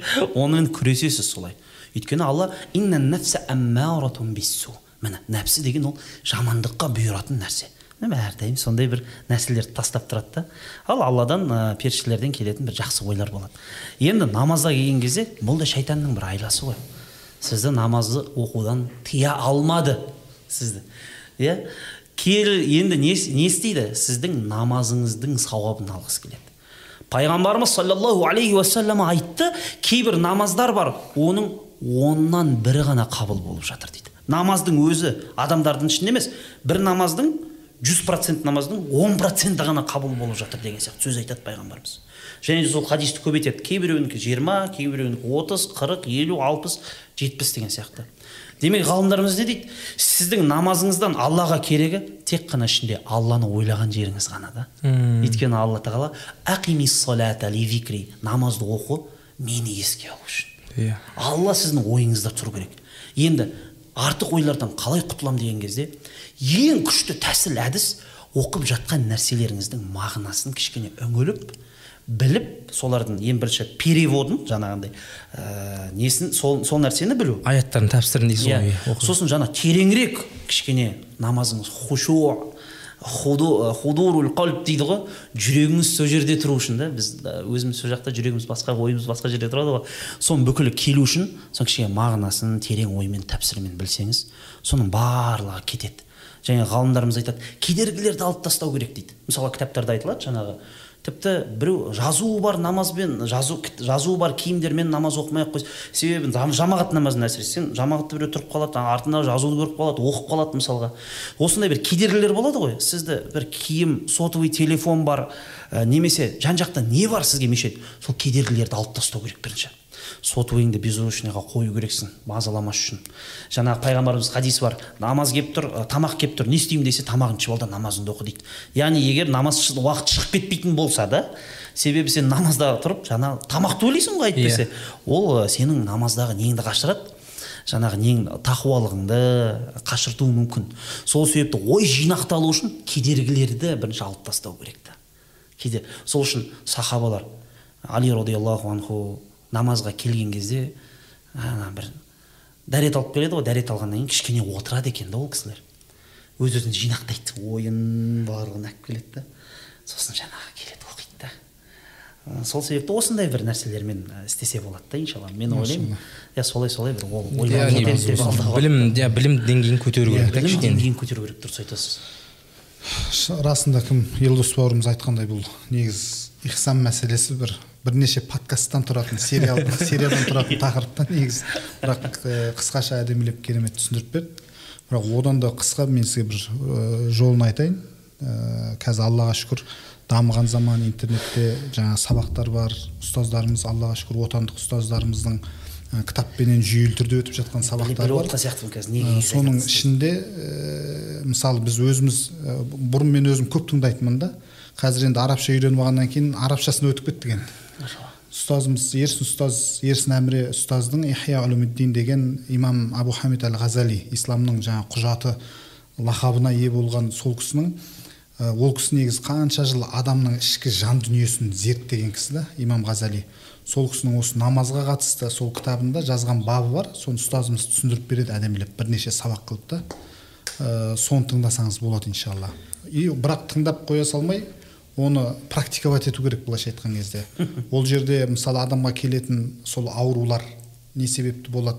Сол себептің салдарымен күресу деген секілді. Соның барлығын ол жерде имам абу хамид ал ғазали рахималла алла ол кісінің рахымына бөлесін үйретеді да. Соны тыңдағаннан кейін негізі бұны амалға асыруымыз керек. Біз көбіміз өкінішке орай тыңдап қоя саламыз да. Бір жерге барған кезде бір әдемі айтатын қылып тыңдап аламыз да. Айтамыз бірақ амал жоқ та өкінішке орай. Тілдегі білім дейсіз ғой. Иә. Тілде тілімізде қалып кетеді ары қарай көмейімізге өңешімізге жүрегімізге жетпей қалып жатады да. Соны тыңдасаңыз иншалла ә, бұл нәрседен арылуға болады ә, иншалла. Келесі сұрақ ә, елдос ұстазға. Намаз бастағым келіп жүр бірақ ә, әзірге таң намазын оқып жүрмін дейді. Ә, осылай жүре берсем бола ма деп тұр ғой енді. иә осы сұрақты да көп қояды. Сіздерде келіп жатқан сұрақтарыңыз шынымен де андай бір топ десять деп айтатын ба еді жаңағы сондай топта тұратын сұрақтар ғой иә. машалла дұрыс қой. Ә, адам сұраудан ұялмау керек? Мен де айтамын әрдайым намаз оқитын кісілер намаз бастағысы келіп жүрген кісілер ешқашан ұялмай сұрақтарыңызды қойыңыздар сұраңыздар. Құдайға шүкір ә, қаншама мешіттер бар ішінде білікті имамдар бар ұстаздар бар. Біреуі ә, бәлкім жауап бере алмай қалса екінші жауап береді. Бұл білім деген оңай нәрсе емес бұл. Бір мысалға анау бар ғой. Имам малик деген үлкен ғалым ғой ол кісі енді. Білмейтін нәрсесі жоқ деп айтса болады ғой сондай кезінде ғалым болған. Бірақ ә, сол кісіге бір адам келіп сұрақ қойған кезде мен білмеймін деп айтқан екен да. Сол кезде бір, біреу бүйтіп айтқан ғой ей имеке оңай сұрақ қой мынау өте оңай сұрақ қой дейді да. Сол кезде имам маликтің жауап берген сөзі бар. Білім деген нәрседе ешқашан андай жеңіл оңай деген нәрсе болмайды. Білімнің барлығы ауыр болады. Алланың құрандағы мына бір аятын естімеп пе едің? Инна санулқи алейка қаулан сақила міне біз саған бір ауыр сөздерді бердік. Ауыр құранды бердік. Құран аяттары білім бұл жеңіл нәрсе емес та. Сол үшін жауап беру де оңай емес мысалға.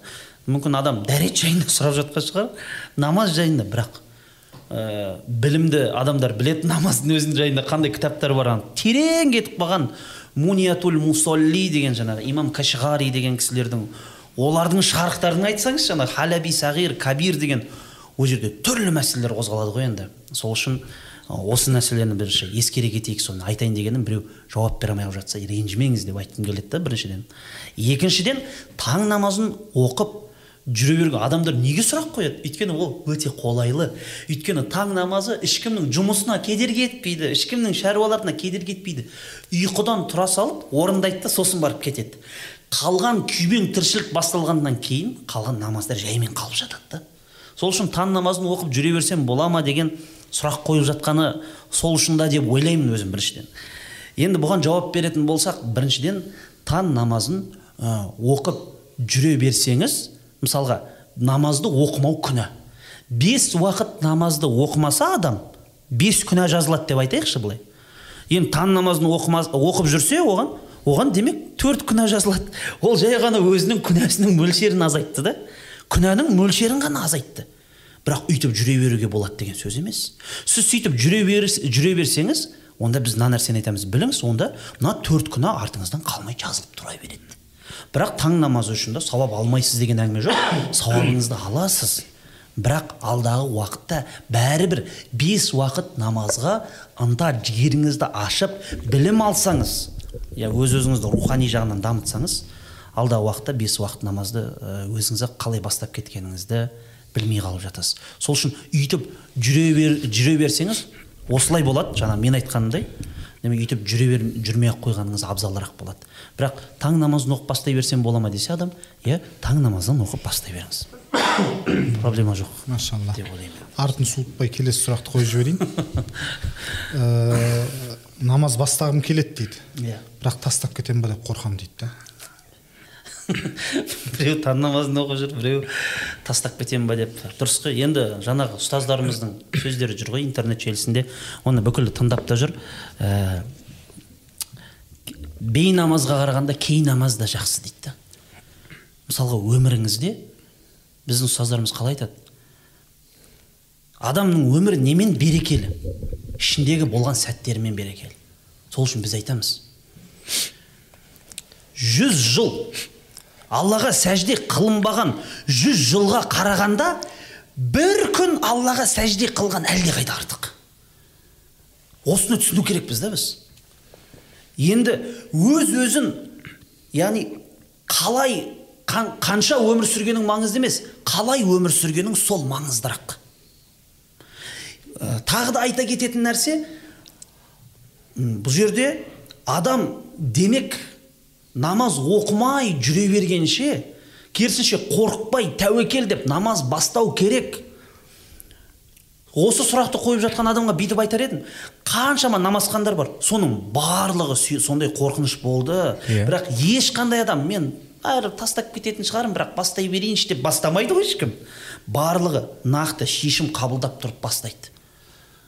Нақты қал, шешім қабылдап тұрып иншалла мен намазымды қалдырмаймын қаза қылмаймын оны тастап кетпеуге тырысамын деп біліңіз намазға лайықты жүрсеңіз ешқашан намаз сізді тастап кетпейді сол себепті субханалла намазды бастауға қорықпау керек адам деген бұл жаңағы бір уәсуас қой иә уәсуаса ғой шайтанның шайтан алейхилана жаңағы өзіңіз айтқандай тура жолдың алдына отырып алып қалай бұны бұл жолға алып келмесем қалай тайдырсам yeah. Иә. деген сияқты осындай ойларменен азғырып қорқыныш ұялатып ә, тайдырады да былайша айтқан кезде бұл да иә бір бұл шайтаннан келіп жатқан уәсуәс жаман ой жақсылықтан сізді тыйып отқан.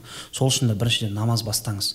Мен қалай ә, дәрігерге барам? Мен әлі ә, мен ауырамын ғой деген сияқты да. Мен қалай дәрігерге барам? Мен әлі аурумын ғой. Мен қалай ә, жаңағы намаз оқимын? Мен әлі күнә жасап жүрмін ғой.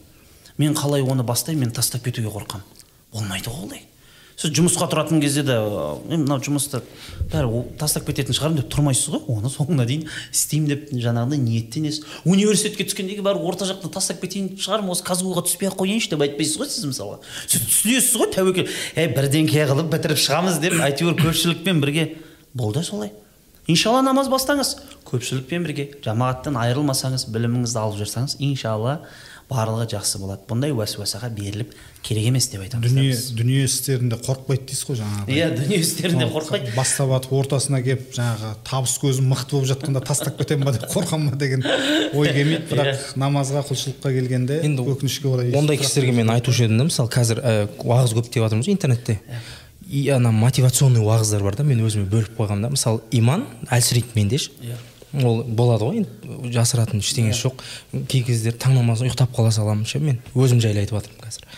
Сол кезде енді өзім сезінемін о міне әлсіреді адам иманы. Сол кезде қуаттандыру үшін яғни ұстаздарымызға шай ішіп отырып шай ішіп дидарласамыз да өз аузынан уағыз тыңдаймыз я болмаса ютубтан тыңдаймыз да уағызды мотивационный уағыз деймін да мен соны үшін мысалы ә, сондай бауырларым айтатын сондай уағызды көп тыңдасашы мысалы. Көп тыңдап насихат. Ол адам білім алған сайын ол губка сияқты білім алған сайын ол жинаған сайын ондай ойдан күмәннен арылады ше. Иә. Мысалы алла мысалы субхана тағала мысалы ә, тәубемізді ше біздің.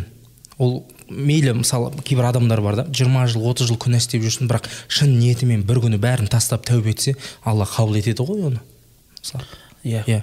Ол мысалы тәубенің ең жақсысы сол жаңағы тәубе етіп және сол күнәға қайтып оралмау да. Сол жігіттерге айтарым ше шешінген судан тайынбас дейді ғой.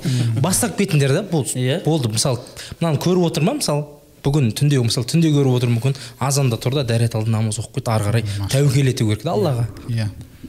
Мен мысалы өзім солай бастадым. Шынымен мысалы әкем айтты ол айтқаннан адам түзелсе түзеліп кетпейді да. Ол айтқаннан мысалы бәріміз қоймаймыз ғой мысалы. Ол бәрі алладан ғой бәрі. Иә. Сол сол уақытта хидаят берді алланың қалауымен басталды жаңа анау депрессия себеп болып солай бастадым деп қалдыңыз ғой. Сол кезде осындай бір қорқыныштар болған жоқ па? Болды. Ол шыны керек ол болды. мысалы ә, менің досым досым бар. Сол екеуміз бірге бастадық қой.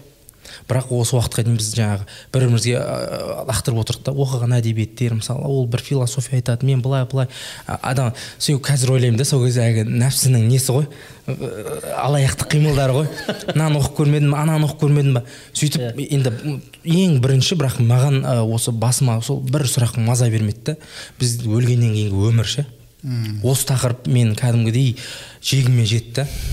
Қабір сол қызық болды маған бір жағы. Бірақ бірақ біз енді мен білдім что осы істеп жүрген істің бәріне мысалы біздің күнделікті жұтып жатқан ауамыз жеп жатқан тамағымыз біздің істеп жүрген ісіміз қарым қатынасымыз адамдармен бәріне түбір жауап береміз ғой. Осы сұрақ қатты қызық болды да. Осы сұрақты барып жаңағы ұстаздарымыздан ол кезде енді сұрадым. Ол кісілер отырып түсіндіріп бәрін яғни шариғи үкімдерін бәрін айтып берді. Сол кезде ғой барзақ әлем ол. Сол біліп бәрін сөйтіп ә, не қылған сайын адам өзі жаңа айтып отырмын ғой білім алған сайын ода бір уверенность яғни өз өзіне сенімділік артады да және адам көп жаман нәрселерден аулақ болуға тырысады яғни білімнің арқасында. Сөйтіп сөйтіп жүріп енді ол кезде тағы рамазан айы болып қалды да. Рамазан айында білесіз ғой мешіттерде жамағаттың бауырмашылдығы бәрі сондай мейірман енді сауап иә. иманның шкаласының көтеріледі иә сол кез ғой. Барлығы түрмеде. Сол кез ғой. Сол сол кезге тап болдық та. Сол әйтеуір алланың қалауымен сөйтіп алла бар ата анам бар қасымда бауырларым бар. Сөйтіп бәрі демеп жіберді да. Машалла сіз біздің уайымдарымыз бір болған сияқты. Менде бар ғой шын айтайын маған құдай көріп тұр ғой. Үйде түнде бүйтіп ұйықтап жатамын да бүйтіп балкон ашық тұрады жаңағы бір. Қылтиманың есігі деп жаңағы соның есігі ашық тұрады. Сол кезде ай көрініп тұрады да. Мен жатқан жерде көрініп тұрады. Сол айға қарап отырып жаңа өлім жайында қатты көп ойланатынмын мә не болады екен? Осы дүниеден өте саламыз соны. Түн қараңғы жамылады болды ма басқа? Осы түн қараңғыдан басқа ештеңе көрмейміз ба сонда? Деп соны жаман уайымдап сөйтетінбіз да намаз бастағаннан кейін енді ә, уайымың өлімнен кейін не болады емес. Енді соған қалай жауап берсем енді соны қалай иншалла соған реттесем. Мақсатың ашық айқын жүретін жолың белгілі. Ә, тек қана соған бару керек та енді иншалла. Сондай болса жақсы ғой енді. Келесі сұрақ. Айта беріңіз жаңа таң намазға айттық. Қиналып жүргендерді бастаймын деп қорқып қиналып жүргендерді айттық. Енді жинап оқитындар бар да. Кешке жұмыстан келген кезде бірақ сондай сұрақ келіп тұр. Ә, кешке келіп ә, түнде барлығын біратала бес уақыт намаз жинап оқысам бола ма дейді. Иә бұны да мен кезінде өзім де намаз оқып енді бастап жүрген кезде сол уақыттары сондай бір сұрақты біреу келіп басқа бір жігітке қойды да. Сол кезде мана кісі айтады да. Сен кешке қарата бір жолата таңертең завтрак ештеңке ішпей ақ қой сен? Обедте обед ішпей ақ қой сосын жаңа завтрагың бар обедің бар ужин бар соның барлығын жинап кешке қарата ішсең қалай бола ма дейді да жаңағы. Сосын болмайды ғой сен намаз да сол сияқты. Бұны жиып оқи салуға болмайды айналайын. Ә, бұның әр өзінің уақыты бар. Алла тағала қасиетті құранда әрбір намаздың өзінің парыз етілген уақыты бар деп айтты да. Сол уақытында біз оқу керекпіз да негізінде. Сол себепті жинап оқуға болмайды күнә болады. Бірақ қаза болып кетіп жатса бәрібір оқуы керек жинап болсын. Оны оқуы керек өйткені қаза намазды орны өтелуі керек. Бірақ бұлай істеп жүру бәрібір ол үлкен бір күнә. Яғни нақты шариғи жауап осы. Оны істеп жүру үлкен күнә. Енді біз не дейміз бұл кісілерге? Біз айтамыз. Жаңағындай ә, адам өзі бес уақыт намаз не үшін оқиды? Бұның хикметі неде еді адам күнігелі күйбелең тіршілікті істеп жүрген кезінде обед уақыты болған кезде тамақты ғана ойламайды. Намазды оқып қойып алланы бір есіне түсіріп алады. Сөйтіп жаңа бір депрессияға айтады одан. Күнігейлі бір шаршауға айтады. Сөйтіп жүріп асыр намазын оқып тағы да бір алланы еске алып қояды. Мүмкін сол жұмыс істеп жүрген уақытында біреумен ренжісіп қалуы мүмкін біреумен сөз таласып қалуы мүмкін. Базарда тұрса біреуге бір арам ә, нәрсені сатып жіберіп үлкен жоғарылатылған бағада өтірік айтып сатып жіберуі де мүмкін. Сондай арам ойлар келеді адамға. Ойдан ада болмайды ғой. Бірақ намаз оқып алады да ох мен алланың құлы екенмін ғой. Менің алланың алдында тұрмын ғой дейді. Сол нәрсені есіне түсіреді да қайтадан жаңағындай бұл намаз оны түзетіп қояды да былайша айтқан кезде.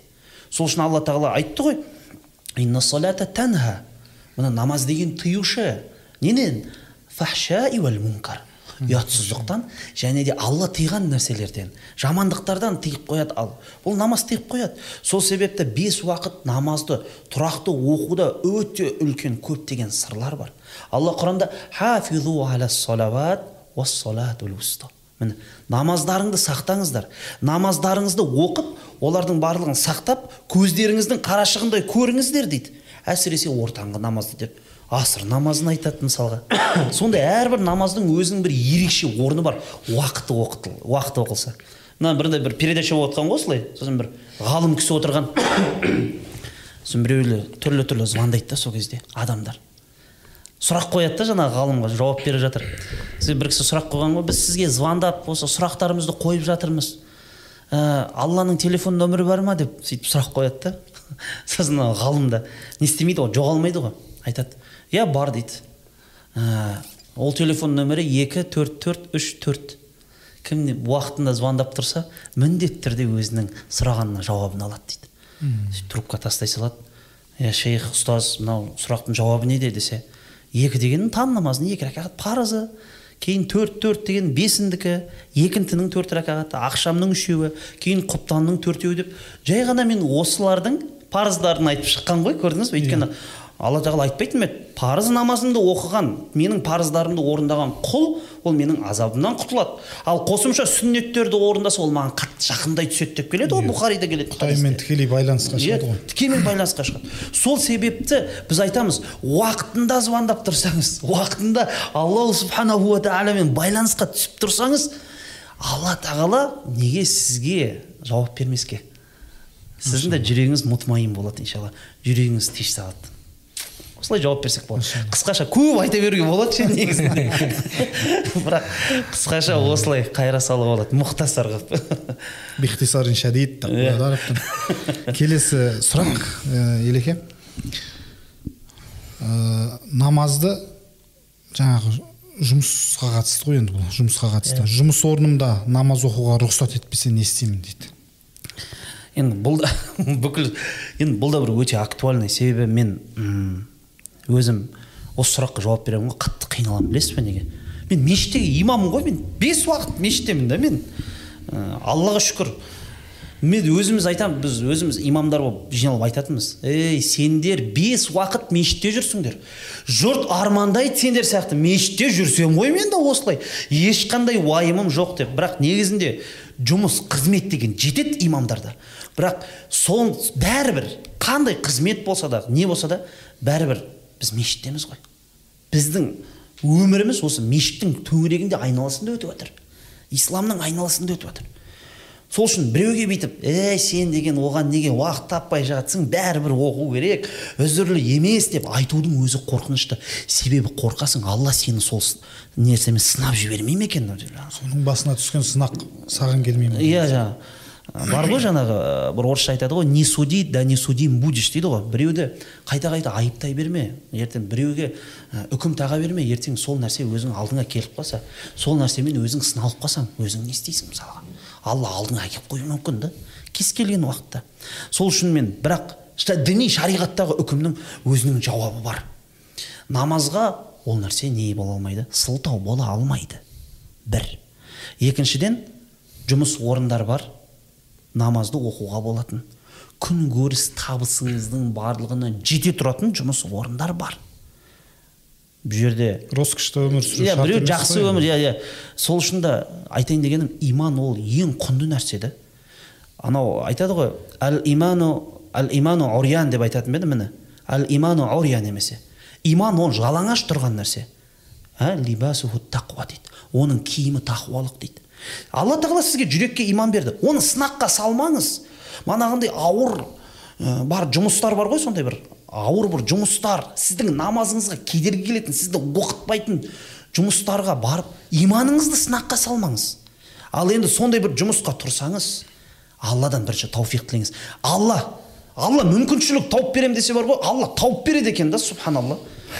Мен анау ә, бір оқиға бар мен жолдас балам бар. Бір ә, атын айта беремін бүкіл жолдастарымның атын айта беремін айтпай ақ қойыңыз, бір жерге жолдас бар айтады «Ә, армияда болдық дейді. Мен үлкен таможняда үш ай бойы намаз оқи алмадым дейді. Кәдімгідей кемиді дейді енді шын жоқ дейді да мүлдем. Сосын барып бірден өйстіп сексен басымыз тақырбас шашы жоқ солдаттар дейді. «Е, шай ішіп біттік та бүйтіп. Жаңағындай бізде әдет қой енді шай ішіп бітсең бүйтіп бетін сипап кете бересің ғой жаңағы дұға қылма ештеңе айтпаса да бүйтіп кеттім кеттім деп. Сөйтіп бүйтіп тұрдым да бетім дұға қылып бетім сипап кетіп бара жатсам бір кісі жаныма жетіп келді жаңағы сержант па біреу.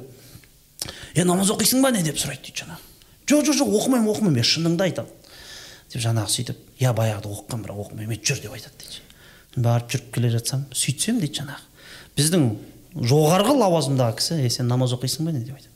Бұрын оқығанмын қазір оқымаймын деп айтты дейді. Сол кезде айтты дейді да.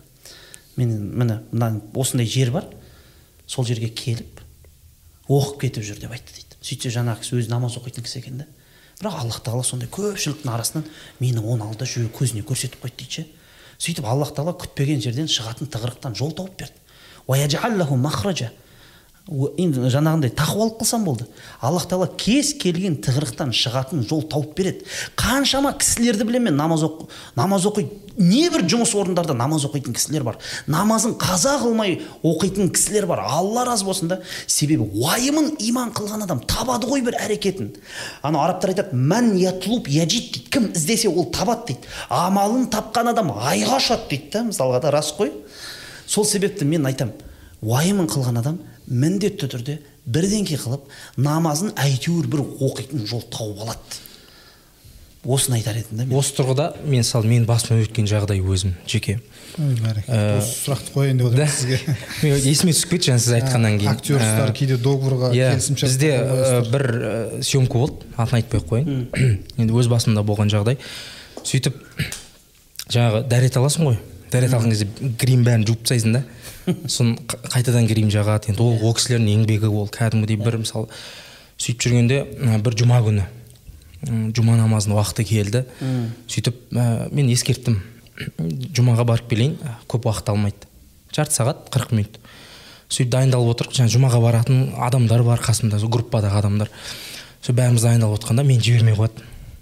Жоқ сен керексің қазір кадрда сен бара алмайсың. Ей мен барып келейінші деймін да екі ақ рәкат парызын хотя бы оқып келейін. Келемін ғой минут двадцать деп түсіндіріп айтып жатырмын да. Сосын жоқ бармайсың деді бір жүрегім қатты ауырды сол кезде. Ше. бір, бір түрлі оқып қалдым да. Сосын ыыы алланың қалауымен жұмаға кетіп қалды жаңағы. Водительдер бар группа бар балдар жұмаға кетіп қалды да.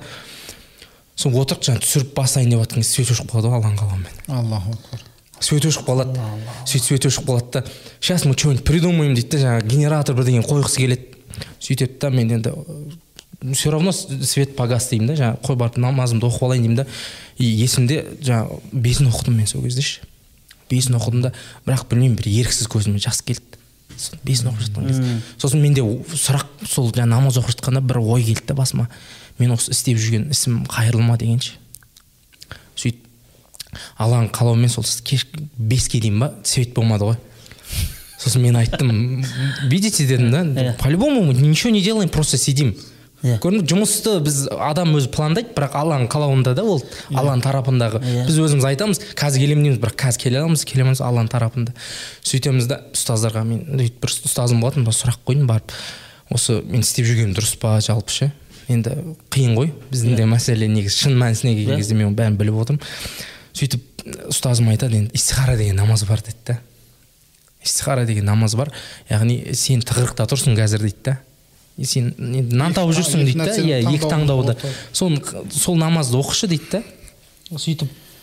Сол намазды оқимын дұғасын істеймін жаңағы өзім іштен тағы қосымша дұға айтамын сұрап жатырмын ғой алла қайырлы болса осы істеп жүрген ісім мені енді осы істе жүруімде жа- осы істе алда болуым нәсіп ет. Болмаса осы істен алыстатшы деймін ғой.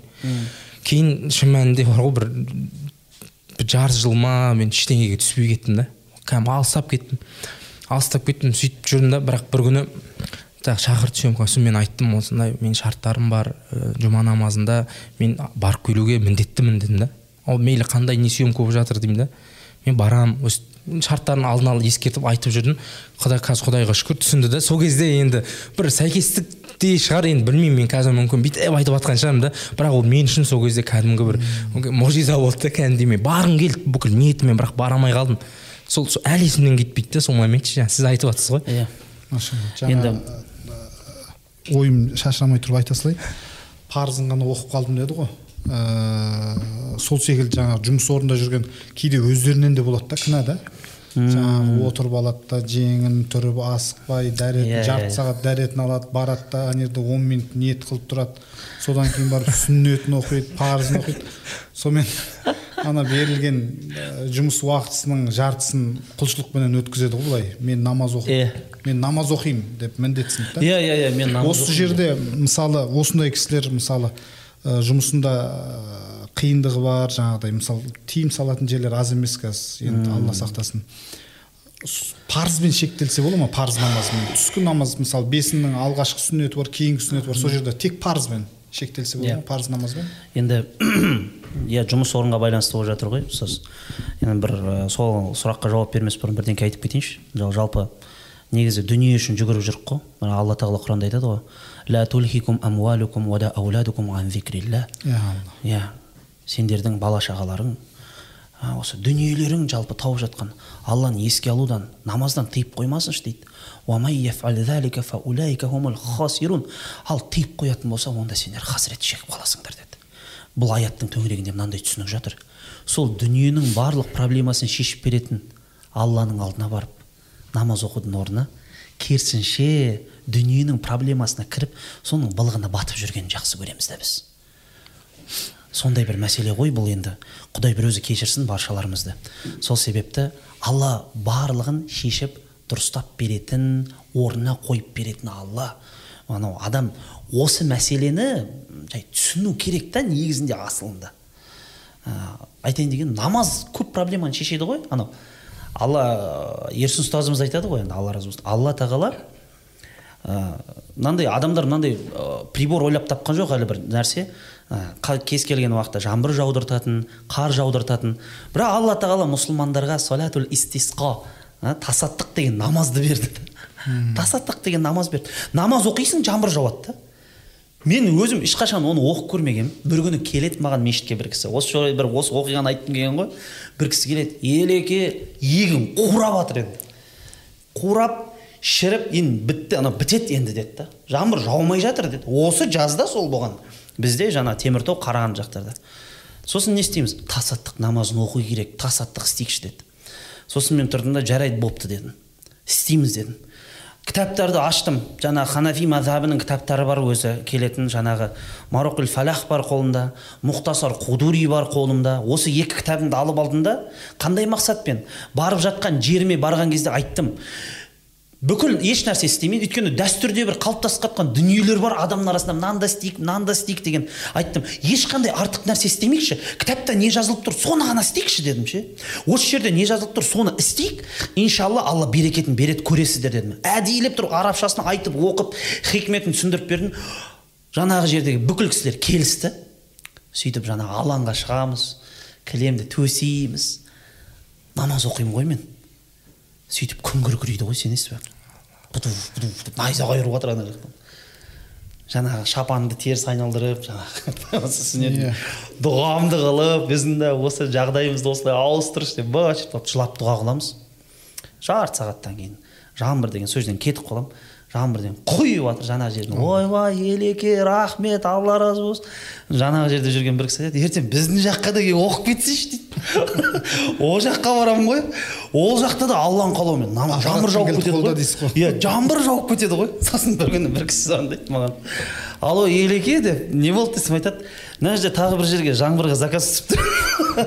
Мен айтамын ол. Уже сондай деңгейде болып кеткен ғой жаңбырға заказ түсіп жатыр деген сияқты.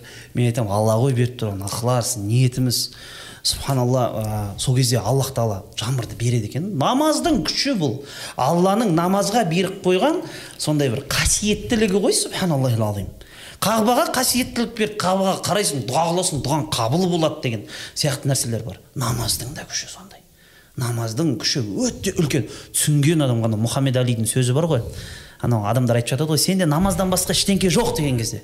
Сол кезде мұхаммед али айтады ғой а маған басқа ештеңке керек емес дейді. Мен қазір екі ракағат намаз оқысам бүкіл таулар құлайды қазір деп айтады ғой. Былай түсінбеген адамға не деп жатыр? дейді ғой жаңағы. Бірақ шынайы момын қандай керемет сөздер екенін түсінеді да бұны бақылап түсінеді. Енді жұмыста парызын ғана оқи салсам бола ма ұстаз деген сұрақтар көп түседі. Оған біз не деп айтамыз? Дінімізде ә, қосымша сүннет амалдар екіге бөлінеді. Сунна муаккада сунна ғойру муаккада. Бекітілген сүннет және де бекітілмеген сүннет болып екіге бөлінеді. Бекітілмеген сүннетті оқымау ешқандай күнә да емес айып та емес ол кәдімгідей. Ал бекітілген сүннетті бекітілген сүннетті әрдайым оқымай кету ол сол кезде күнә болады. Бірақ арасында бір екі рет оқымай кетсең мысалы ол күнә болмайды. Бірақ сол сол бекітілген сүннетті тастап қоюда тұрақтылық танытсаң өте үлкен ол күнәға айналады дейді. Біздің ханафи мазхабының ғалымдары осындай нәрселерді айтады. Біз не дейміз? Кейбір жұмысыңда бір шұғыл жағдайлар болып қалса шұғыл жағдайлар. Онда жұмыс істеуде нан табу нәпақа болу ол да парыз мәселе ғой. Жұмыс істеп жүрген адам джихадта ғой үлкен бір құдайдың жолында жүрген адам ғой ол. Пайғамбарымыз саллаллаху қаншама оған нұсқайтын хадисі бар мысалға да. Сол себепті кейде бірақ әрдайым айналып кетпесін ал бір ұстазымыз айтады осындай бір жігіт жұмыста ғана парызын ғана оқи берген ғой. Әбден жаман үйреніп алған демалыс күндері де сүннеттерін оқығысы келмейді жаңа. Мә сүннетін оқығым келмейді. Әбден дағдыланып алған да. Осы нәрсеге дағдыланып қалмау керек та. Біз осылайша айтамыз ол нәрсеге. Парызбен жаңа жұмыста парызбен шектелу жаңағы нәрсеге алып келмеу керек алып та келмей енді шынайы пәтуасы осы мен енді бір, бір жеңілдіктер айтқым келеді да бірақ қорқасың енді шыны керек. Ә, алла бір өзі кешірсін. Ә, осындай бірақ. Кейде шұғыл түрде. Бірақ жаңа жамбыл ұстаз сіз өте керемет айттыңыз ше. Анандай жұмыста асықпай мен намаз оқып келем деп ше басқалардың намаз оқымайтын адамдар мынау намаз оқып жатады намаз оқып кетемін деп келеді біз жұмыс істеп жатамыз дейді. Әйтеуір стройкада істеп жүрген кісілер әсіресе көп деген жаңағы шағымдарын айтып жатады да. Бірақ мынандай да бар да жұмыс орнында осы кезде бір ұсыныс та бұл. Жұм, мен бір кісілерді білемін өздерінің жұмыс орнында мынандай. Жігіттер айтқан басеке біз жұма намазына барып тұрайық деген ғой. Барыңдар. Бірақ сенбі күні келіп отработка жасайсыңдар бір екі сағат дейді. Проблема жоқ келісті. Проблема жоқ келісті. Осындай бір бірлерімізге уступкаға барсақ жұмыста жүреді да. Иә. Намазхан жұмыскер деген адал жұмыскер болады. Өйткені сіз оған уступка қылдыңыз. Ол адал істейді. Ол арам істемейді ол өтірік айтпайтын болады ол сіздің жұмыс орныңызда. Кішкене болсын оның тақуалығына сәл де жәрдемдесіп жіберсеңіз болды. Оған уступкаға бар бауырым мен сені жұма намазына жіберіп жатырмын ғой. Мен саған көмектесіп сен де маған уступкаға кел десеңіз ол барады. Өйткені оған намазы кез келген нәрседен құнды да ну осындай нәрсе неге істемеске деймін болады да мысалы тақуалығының артуына барынша жәрдем берсеңіз жұмысыңызға барынша адалырақ болады да. міне дәл жұмыс жүреді. Ал егер тақуалығын басып жаңағыдай жұмаға жібермей намазына жаңағыдай э, оқуына мүмкіншілік бермей қыса берсе ертең ол намазын тастап кетсе былайша айтқан кезде жұмысына да қиянат қылып қоюы мүмкін. Иә. осы жағын ойлау керек та мысалы жұмыс өйткені беретін иман әлсіреген сайын келесі және соңғы сұрақ осы коммент актуалды жаңағы. Топ он деп қалдыңыз ғой соның соңғысы. Ата анам намаз оқуыма қарсы дейді. Өкінішке орай бұндай кісілер де бар. Ә, кейде кейбір кісілер қуанып жатады. Мешітте жүріп мысалы. Баласын мына мына балам күйдірді мені намаз оқытшы деп жүрген кісілер бар. Ал мына жақта біреулер тосып жатады да баласы намаз оқиын тура жолға түсейін осылай имандылыққа бет бұрып қадам басып жатса ата анасы кедергі болады. Осы осыған бір жауап берсеңіз сонымен коммент таймымызды аяқтап ары қарай шай үстіндегі әңгімемізге көшсек. Енді бұл нәрседе мынандай нәрсені айтуға болады. Кейбір кейбір кезде ә, ата аналар мына нәрсені түсінбейді деп ойлаймын. Бір құмалақ бір қарын май шірітеді дейді ғой. Бір әулетте бір бала бұзылса сол бүкіл жаңағы отбасының берекетін алып қоюға жеткілікті да. Жаңа бір жігіт тағы бір жігіт сондай. Манағы оқиғадан бөлек. Құмар ойынға түсіп кеткен. Әбден құмар ойынға түсіп шыға алмай қалған соншалық туыстарынан ақша ұрлайды үйінен ақша ұрлайды.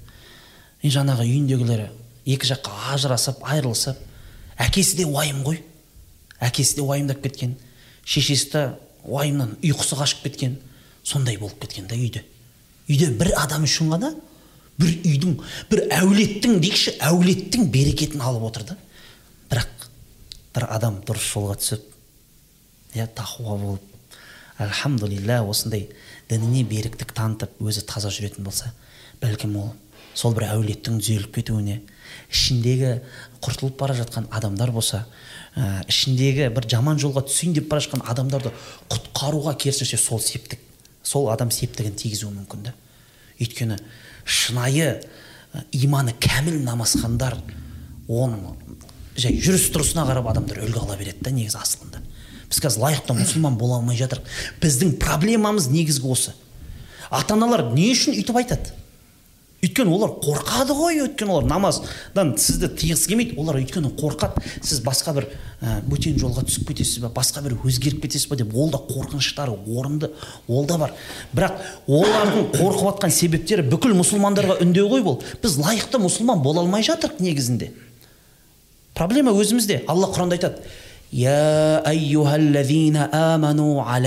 анфусакум ей иман келтірген момындар өз өздеріңізді жөндеңіздерші дейді. Енді сіз өз өзіңізді жөндеп алдыңыз ғой. Мықты мұсылман болдыңыз ба? Енді алла жалғастырады. Міне енді сен тура болдың ба? Адасқанның зияны жаманның зияны саған тимейді дейді. Өйткені сен турасың да. Жаңағы аят айтып кеттік қой хафизу аля салават деп. Алланың намаздарын сақтаңыздар дейді. Бұл жерде ғалымдарымыз не дейді? Кімде кім алланың хақысын сақтайтын болса алла тағала оның хақысын сақтайды. Алланың хақысын сақташы алла сені сақтап жүреді да сол үшін ибн атоилля сәкандари деген кісі үлкен ғалым рахимахулла өзінің бір хикамында өсиетінде айтады. Сенің алла тағаладан ең жақсы сұраған нәрсең дейді. Алла сенен не сұрайды соны сұрауың дейді. Алла сізден не сұрайды? Парыздарды сұрайды. Сізді алладан не сұраңыз? Я аллахым маған осы парыздарды беріп болуды нәсіп қылшы деп сұрау керек сізді. Енді осыған байланысты жаңа біз үлгі бола алмай жатырық деп айтып жатырмық қой. Осыған байланысты бір оқиға айтып кеткім келіп отыр. Енді созып жатыр деп ойлап қалмаңыздар. Мысырда білесіздер мұсылмандар бар христиандар бар. Христиандар да бар. Араб бірақ христиан. Бірақ өте аз бірақ бар олар. Баяғы кезіндегі францияның әсерінен болған. Айтқым келіп отырғаны мынау нәрсе да. Сөйтіп бір қыз бен жігіт жүріп жүреді сол жерде. Жігіт мұсылман араб қыз христиан бірақ ол да араб та. Екеуі жүріп жүреді. Сосын бір күні жігіт айтады маған тұрмысқа шығасың ба дейді. Ә әлбетте шығамын дейді. Барып үйден барып рұқсат алып келейін деп жаңағы үйіне барып ата анасының батасын алуға барады ғой жаңағы. Сөйтіп ата анасынан сұрайды. Рұқсат па десе балам рұқсат таңдаған жарың мұсылман болса жеткілікті деген кезде жоқ ол мұсылман емес дейді. Онда кешір балам. Үйге мұсылман адам ғана бізге керек. Келін мұсылман болу керек дейді. Ана жігіт қызына барады қызым өтініш ислам дінін қабылдай салшы болса да арабсың ғой деп жаңағындай түрлі нәрсені е қой айналайын сенің дізің өзіңе менің дінім өзіме. Сенің дінің өзіңде менікі өзімде. Мен сен үшін өзімнің христиан дінімді тастайын деп тұрған жоқпын деп. Сол кезде айтады да сол кезде мана жігіт қатты жақсы көреді ғой. Сол кезде бір екі кітабын алып келеді да айтады. Мына бір екі кітапты беремін бір қырық күн беремін соның ішінде бір оқып шықшы жай екі кітапты. Ары қарай өзің білесің қабылдаймын десең қабылдайсың қабылдамаймын десең өзің білесің деп кетіп қалады. Сөйтіп қырық күннен кейін кездессе қыз басына орамал киіп алған жаңағы. Сөйтіп кездесуге келіп айтады дейді альхамдулилля саған көп көп рахмет. Сенің себебіңмен мен ислам дінін қабылдадым дейді алла бірақ мен саған тұрмысқа шықпаймын мен саған тұрмысқа шықпаймын неге? Мен мынау кітаптарды оқып жатырмын мұсылман мынандай болу керек мынандай болу керек ішіндегі бүкіл айтылған нәрсенің біреуі де сенің бойыңда жоқ қой айналайын деп айтады да. Мен мұсылманға шығам бірақ саған емес деп айтады да жаңағы. Қараңызшы жауапты қандай. Біз осындай бір лайықты мұсылман бола алмай жатырмық па? деп ойлаймын да. Сол себепті егер лайықты жүріс тұрыс көрсетсеңіз негізінде ата анаңыз рұқсат береді деген бір ойдамын. Жарайды ұстаз мен красавчикпін маған бәрібір рұқсат бермей жатыр десе онда пайғамбарымыз саллаллаху алейхи уассаламның бұхарида келетін тамаша бір хадис бар. Ла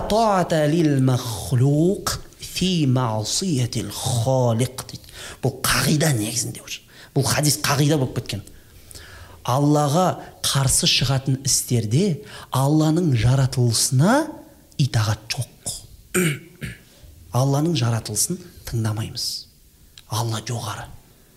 Анау бір кісі баласы той жасайын деп жатқан кезде анау бауыржан әлиұлы бір оқиға айтып беріп еді ғой бір досымыз той жасайын деп жатты. Әке шешесіне барып айтқан еді той арақсыз болсыншы деп. Әкесі айтқан екен да сол кезде ей діндеріңде үлкенді тыңдау деген бар ма? дейді да. Иә бар ғой дейді. Онда той арақпен өтеді. Сол кезде жаңағы жігіт ойланып тұрып айтқан ғой әке не болды? десе алладан үлкенсіз бе? не деген. Алла аузына салып қойды алла аузына салып алладан біз қазақ е дастарханнан үлкен емес шығарсың сен. Е, наннан үлкен емес шығарсың ауыз тиіп кетсе деп айтамыз ғой мысалға. Е, алладан точно ешкім үлкен емес. Онда сіз не істейсіз? Алланың бұйрығын орындайсыз. Бірақ жақшаның ішінде. Ата анаңызға жақсылықты жасауды тоқтатпайсыз. Маған ата анам рұқсат бермеген деп оларға жекіп қарсы шығып оларды тыңдамай оларды бір жалауыз көріп кету деген нәрсе жоқ ондай. Ата анаңызды тыңдайсыз сыйлайсыз жақсылығыңызды жасайсыз. Аянбай жандарында жүріп еңбегін қыласыз бірақ намазыңызды оқисыз да. Екінші жаңа аят бар деген иә. сияқты. Енді оларға уф деп айтпа деген енді құранда сол ғой жекуге болмайды ол кісілерге. Біздікі қайта енді сондай үлкен мен білемін ата аналарға қатысты өте үлкен осындай сұрақ мәселелер көтеріледі. Сол себепті бәрібір оқысын деп айтар едім. Енді әркім әртүрлі бір ә, қарындасымыз болған еді да сол маған айтып берген еді қалай намаз оқып кеткен. Анау кейбір адамдар ата анасына да кішкене қатты қарап жатады да. Мынандай ата анасы қатты оқытқызбай қойды да оған. Сол айтады жаңағы оқуда жүрмін оқуда басқа қалада жүреді ғой үлкен қалада. Сосын кішкентай қалада жаңағы қайтып келіп жатады. Сөйтіп намазымды оқып жүремін дейді. Сосын анам намаз оқытқызбайтын тұғын дейді. Сөйтіп үйге бардым да дейді бір күні. Үйге бардым да дейді. Сөйтіп жаңағы жай намазбен тәспен алдым да телевизордың жанына қойып кеттім дейді бүйтіп. Сосын мамам өтіп бара жатты да е мына кімнің жай намазы мынау? Кімнің тәспісі деп айтып қалды дейді. Мама менікі ғой деп. «Е, не намаз бастап жүрсің ба намаз оқып жүрсің ба дейді үндемей бұрылып кетіп қалды сөйтіп ештеңе деген жоқ. Өйткені бастап қойдым ғой. Анау кішкентай жүрегіндегі иманы бар да мамасын бәрібір ана. Бастап қойғаннан кейін тыя алмайды да. Бір жолдасымды білемін мен. Екі жыл бойы чердакта намаз оқыған ғой. Чердакта үйіндегі жаңағы жер үйде тұрады. Жаңағы үйдің чердагына кіріп қалсам бүйтіп кардон қағаздар оралып тұр. Ашып қалсаң ішінде жай намаз тұр да екі жыл бойы сөйтіп оқыған ғой. Махаббаттың дәрежесі махаббаттың дәрежесі. Бір кісінің бір тағы бір қарындасымыз бар еді. Ол кісі жаңағы үйінде дәрет несіне кіріп кетеді ваннасына. Соған кіріп кетіп құлыптап намазын оқиды жаңағы. Үйдегілер ей не болды ваннадан? шықпай қойдың ғой деп қайта қайта. Бірақ оқып жүре берген ғой. Я алла не деген иман субханаллахи алазим осындай тұрақтылық көрсету керек. Бұл жәннат бұл оңай нәрсе емес қой. Бұл жәннат оңайлықпен келмейді ғой. Сәл болсын терлеп сәл болсын құдайдың алдында бір өз өзіңнің махаббатыңды дәлелдесең алла жәрдемсіз қалдырып қоя ма? Қалдырмайды алла. Қалдырмайды. Зәл сәл күте тұру керек просто. Алла сынақ сізді қылып жатыр сіз лайықсыз ба осы нәрсеге? Жәннаттың төріндегі фирдаусқа лайықсыз ба? Өйткені намаз ол фирдаусқа апаратын дүние да. Субханаллахи сол себепті айтатын едім бәрібір оқу керек подход жасау керек импровизация керек Иә. бұл жерде. Нақты бір мынандай жауап жоқ та сен бүйту керексің деген. Импровизация керек. Әкеңнің көңілін ізде анаңның көңілін тап. Сыйлық сыйла көп жігіттер әкелерімен сөйлесе алмайды. Жаңағындай бір сыйлық сыйлауға әкесін құшақтауда бір ерсі нәрсе көреді. Ерсі көрмеу керек. Не үшін? Бұл нәрсені не үшін сен аттап өту керексің? Алла үшін. Алла үшін аттап өту керексің. Ә, алла үшін кезіндегі шахуаттарыңды тастадың ба? Өзің жақсы көретін. Демек алла тағала жақсылыққа жете алмайсың өзіңнің жақсы көретін нәрсеңді міне құрбан етпейінше деді сол кейбір кезде бір құрбандыққа бару керек болады кейбір бір ә, барьер дейді ғой орысша бір ә, нәрселер бар кедергілер бар солардан аттау керек болады И не үшін иман үшін не үшін намаз үшін құдайға шынайы құл болу үшін аллаху акбар алла разы болсын бауырым енді соңында мынандай бір ә, не түсіп отыр айтпақшы. Соң емес қой. жоқ соңғы сұрақ деген рубриканың соңы. Соңы. жаңағы намазға қатысты. Енді альхамдулилля жаңағы айтып жатыр ғой просто ата ана түсіну керек намазды бастаса иншалла барлығы жақсы болады. Барлығы жақсы дұрыс болады. Анда бір өлең есіме түсіп отыр да анау айтылады. Көше безген қаптап кетті тоты қыздар. Арақпенен темекіге ақымыз бар. Неге бұлай бұзылдың? деп сұрасаң заман солай деп айтар сәтіміз бар. Ендеше бұл заманды біз қалай өзгертеміз оны да айтуға дәтіміз бар. Барлығымыз заман сөзін керісінше айналдырып оқыңыздар дейді. Қандай сөз шығады? Намаз деген сөз шығады. Сол себепті адамды өзгертетін намаз ол шынайы ол осы иман иншалла. Ол нәрседен тыймаңыздар деп айтқым келетін еді. Ал уайым қылсаңыз ада ба- басқа бір ағымға түсіп кетеді деген сияқты. Онда өзіңіз қолыңызбен жетектеп имамға келіп тапсырыңыз. Біз күтіп аламыз қабылдадым. Сіз тапсырдым дейсіз мен қабылдадым деп айтамын да. Пост принял пост сдал деп айтамыз бір бірімізге иншалла. Баяғы ет сенікі сүйегі менікі деген сияқты. Иә.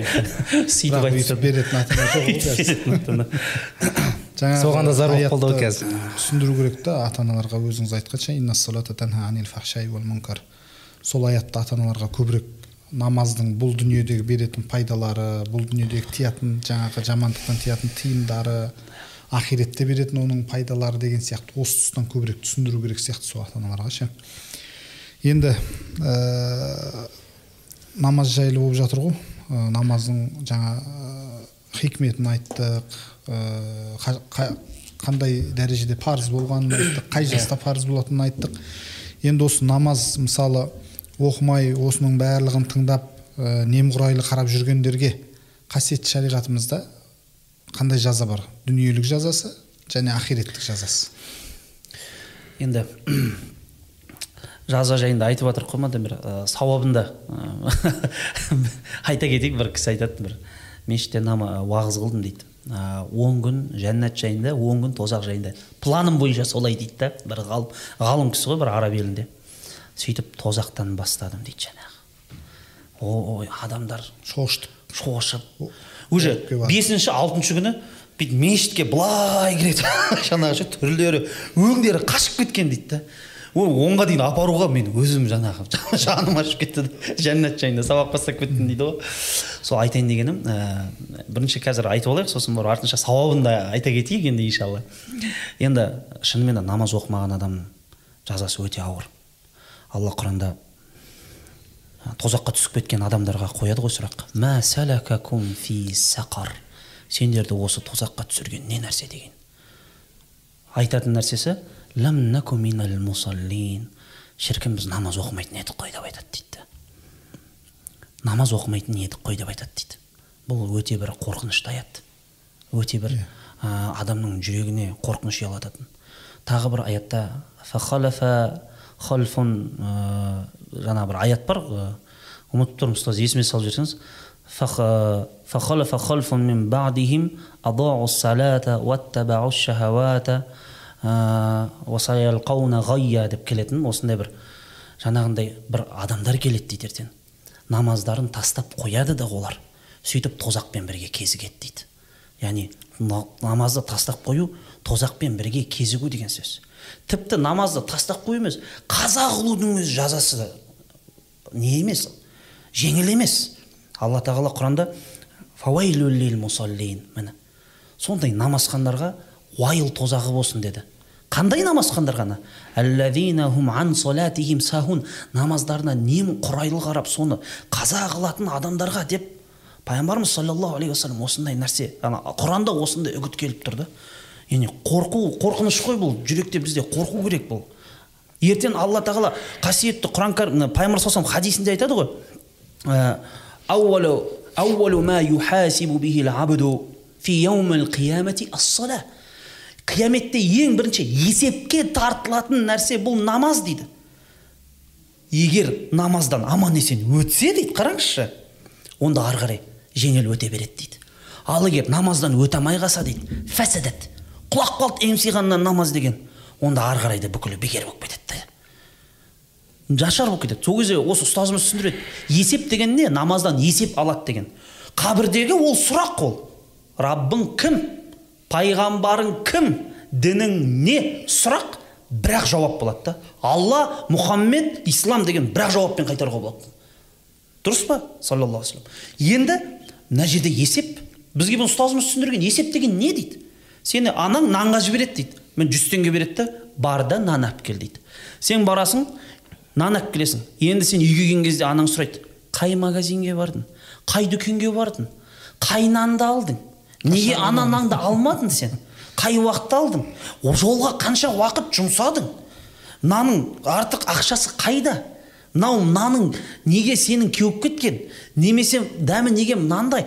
Осының барлығы есеп та бір қайта қайта есептің сұрақтың алдына келген кезде емтиханда да жаман ғой осы мұғалім бір екі сұрақ қойып кетіп қалсам ғой деп отырасың бірақ уже сұрақ емес есеп болып кетеді. Бұл жерде есеп болады.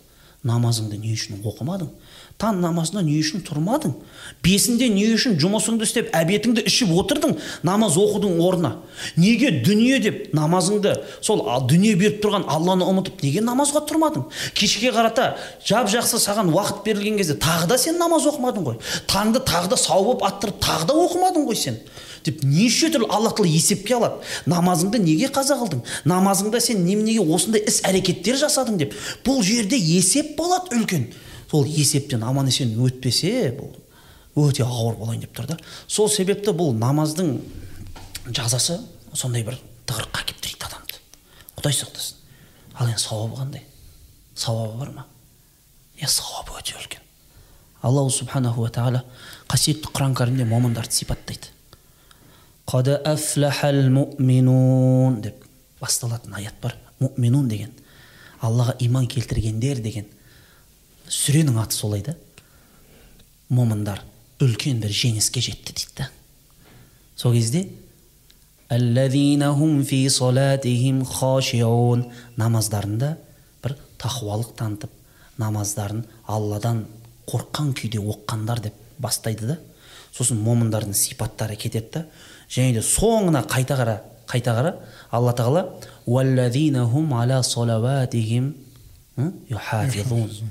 міне олар дейді бүкіл намаздарын оқығандар дейді.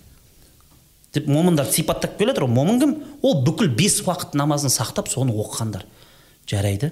Енді бұларға берілетін сый не болмақ?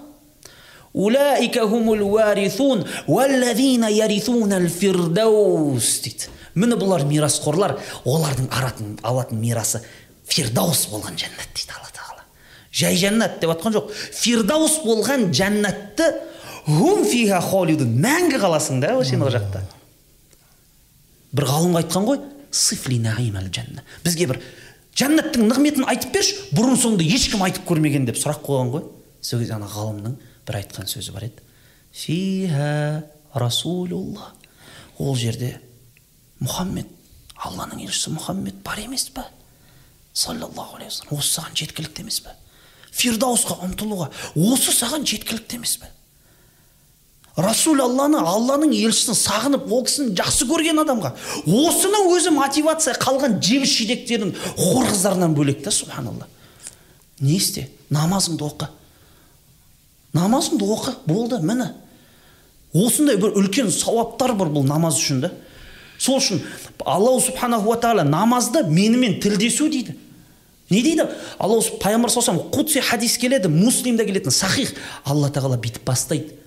Инни қасамту салата бейни уа бейна абди мен фатиха сүресін алдым да менің құлым және де құлым және де мен екеуміздің арамызда бөлдім дейді қалай бөлдім құлым намазға тұрған кезде альхамдулиллахи роббил аламин деп айтасыз ғой барлық мақтау әлемдердің раббысы болған аллаға тән деген кезде алла тағала құлым мені мақтап жатыр деп сізбен диалогқа түседі сізбен сөйлеседі. Және де соңында валаддалин деп бітірген кезде алла уали абди құлыма сұрағаны болсын дейді.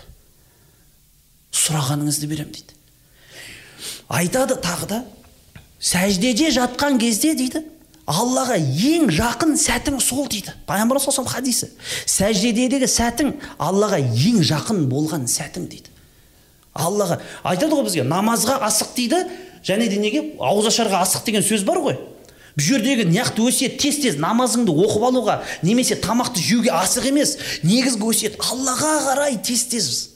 Өйткені сіз намазға барғанда білесіз сәждеде жақын жер бар. Ауызашарға барғанда білесіз ауызашар ауызашар уақытында жасалған дұға оны алла мен сенің арасында ешқандай перде жоқ дейді расулалла. Аллаға сондай уақытты сезіну жақындықты сезіну ол жердегі субханалла сол себепті бұл адамды бір өте үлкен бір дәрежеге көтереді да бұл намаз деген ше осындай бір үлкен сауапты береді бір жас сахаба болған ғой атын ұмытып тұрмын я алла бір сахих хадисте келеді пайғамбарымыздың жанында әрдайым қызмет жасап жүреді ғой сосын пайғамбарымыз сұрайды ғой сен қарап отырсам қызметті аянбай жасап жүргенсің не қалайсың? дейді ғой.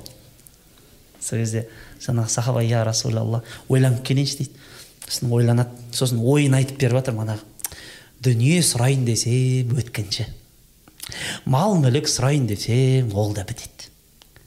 Түсіндім дейді. Пайғамбарымыз жанына барады да фил жанна жәннатта сіздің көршіңіз болғым келеді дейді. Жәннатта болғым келеді деп просто айта салған жоқ та сіздің көршіңіз болғым келеді деп айтты. Пайғамбарымыз саллаллаху айтты сен көбірек аллаға сәжде қыл деді. Намазыңды көбейт деді. Міне қараңызшы пайғамбарымыздың өсиеті айтып тұрған.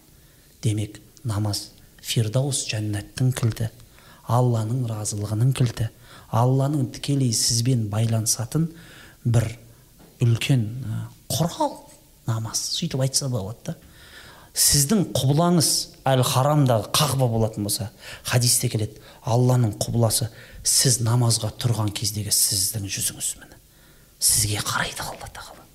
Құлым қалай намаз оқып жатыр екен деп. Сол себепті мен айтайын едім айтатын едім. Осындай бір үлкен ол үшін сауап бар. Осындай бір қысқаша тоқталатын болсақ осындай сауап бәрекелді. Алла разы болсын бауырым. Ә, енді аллаға шүкір аз отырған жоқпыз енді. Иә. Көп ә, негізі сұрақтар легі тағы да басқа қазір ә, зиқында тұрған сұрақтар да бар бірақ ә, уақытымыз тар болып тұр да енді Иә. өздеріңіздің жаңа насихаттарыңызбен тәмамдасақ ә, қыран бауырымыздан бастайық. Ә, енді жаңа бері жаңағы намазын бастағысы келеді бірақ бастай алмай жүрген тағы да басқа бір себептерменен намаз оқи алмай жүрген кісілер көп қой енді қазір. Ә, соларға қандай кеңес қандай насихат айтатын едіңіз енді ең бастысы мен енді өзім өзім өзім де өміріме қатысты өзім басыма қатысты айтайын енді. Иә. басқа жаққа көп бармайын. Ә, ә, мен өзім жалпы ана адам ана араласқан ортасы әсер етеді. Шын мәнінде. Мысалы кейбір жігіттер намаз бастайды да ә, кейбір ана бейнамаз достарын тастап қойып жатады. Сонда біздің жаңағы жанашырлық достығымыз қайда мұсылмандығымыз қайда? Керісінше айта берсін мейлі жалықтыра берсін да бірақ ә, іс қимылмен жаңағы өзінің әрекетімен көркем мінезділігімен жайлап «Ей, бауырым бүйтіп алдап сулап жаңағы ә, хадия жасау арқылы да мысалы адамды тартуға болады да. Сыйлық бер сыйлықпен иә. Ол енді қалай мысалы қолыңнан не келеді? Қай жағынан басымсың? Сол жақты ұстан да жаңағы мысалы енді кейбір енді қазір менің бір мына ке- кезінде жаңа сіз айтып отырсыз ғой намаз оқыған бауырларым қазір келе алмай жүр деп. Енді сол кезінде менде де сондай қазір достарым бар. Енді сол кісілерге енді дұға істейміз. Иә. Алла әйтеуір жүректерін ашсын. Ә, намазға ниет етіп қазір көріп отырып кейбір бауырларымыз бар аға әпкелеріміз бар міне намазға ниет етемін деген сол кісілердің алла жүрегін ашсын. Иә. Ол здесь и сейчас тұрсын да мысалы дәрет алсын да просто аллаға бір осы жасаған ғұмырына дейінгі осы ғұмырына бір шүкіршілік етіп екі рақат намаз оқысыншы деймін да. Одан барып кішкене бір кішкене ойлансын напрягаться етіп кішкене. Кім кім үшін өмір сүріп жүрмін не үшін өмір сүріп жүрмін и осы өмірімнің ақыры иә қай жеріме бітеді? Соны жай ғана соны еске алсын да сөйтіп келесі күні таң намазынан бастап кетсе екен деймін да. Алла сондай бір жүректерін ашып жіберсе екен. Сол менде. Солай ақ болсын әмин енді өзіңіздің насихатыңыз елеке. Мынау намаз оқып ә, енді үйреніп жүрген кісілер соларға қандай кітаптар оқуды кеңес бересіз? Немесе қазір ә, интернетте ұстаздарымыздың аллаға шүкір сабақтары көп. Сол қай ұстаздарымызды және қандай лекциялар ды тыңдауға кеңес беретін едіңіз? Исламды үйрену үшін. Енді намаз бастап келе жатқан жамағатқа. Енді ә, бірден мен бағанадан бері насихат айтып жатыр. Ғой енді негізі жалпы сұрақтарға жауап беріп жатып та әрбір сұрақтың жауабы насихатта болып жатыр. Ең, ең бірінші өзімізге насихат. Ең бірінші өзімізге насихат. Өзімізді өйстіп әйтеуір біреуге ақыл емес жай ғана жанашырлық сөздерімізді айту арқылы өзіміздің ә, жүрегімізді жөндейміз. Басқаларға себеп болып қалуға бір үміттенеміз. Сол себепті айтқан насихатымыздан бір аллах субханаху ва тағала бір оны пайдалы етсе ә, адамдардың жүрегіне қондырса деген тілегіміз бар әлбетте. Енді ә, қазіргі намазды қалай бастаймын десе шынымен қалай үйренемін десе мешіттегі имамдар бар альхамдулилля кез келген өзінің орынды жергілікті жеріндегі имамнан барып сұраса жауап береді. Одан бөлек әрбір орталық қазақстан ә, қазақстанның әрбір облысының орталығында мешіттің сайты бар. Мысалға алматыдағы азан нүкте kz ә, мешіт ә, нүкте ә, муслим нүкте kz мысалы хазірет сұлтандікі бізде қарағанды жаңағы ихсан нүкте kz деп арбитрада михраб kz деген сияқты. Орбитада әрқайсысы өзіне михраб тартады нүкте деген сияқты. Енді машалла ә, бар пат- пат- енді айтайын дегенім сұрақ қойылатын жер бар. Яғни сіз алланың алдында иә аллахым олар жоқ болды мен кімнен сұрайтынын білмедім деп айта алмайсыз да ертең ол да сұрақтың не ол форточканың да есігі жабық жабылып қалған айтайын дегенім осындай сұраңыздар. Енді кітап жоқ десеңіз кітап та сатылады оның ішінде намаз оқып үйренейік деген ә, кітаптардың қаншама орысша да қазақша да түрлері жоқ емес. Бар бейнелі намаз деп анау ә, ютуб желісінде осы кез келген жаңағы мен айтып өткен сайттардың ішінде намаз оқу үлгілері олар да тұрады. Жаңағы намаз оқып бірақ сенімді каналдардан көру иә сенімді каналдардан. Намаз оқып үйренейік деген кітапшалар бүкілі сатылады. Бүкілі сатылады. Айтайын дегенім бастапқыға ислам ғылымхалы деген қарапайым кітаптар бар. Өзіміздің нұрлан аранбаев қайрат жолдыбайұлы сол кісілер жазып қойған ислам ғылымхалы деген кітаптар бар. Соның ішін ашсаңыз иә бір жігіт айтады намаз оқып жүрген. Ананың ішін ашып оқысам қаншама нәрсе бар екен ғой біз білмейтін деп қояды да. Ол жерде өте керемет. Намазды енді бастап жүрген намазға қызығушылық танытып жүрген адамдарға былайша айтқан кезде өте керемет нелер бар мәліметтер бар. Мен осылайша айтатын едім. Бастапқы осылай. Машалла алла разы болсын. Елеке бауырым қыран бауырым мынау алтын уақыттарыңызды бөліп келіп жатқандарыңызға осы келіп өздеріңіздің халыққа осындай насихаттарыңызды айтып бөлісіп жатқандарыңызға алла разы болсын.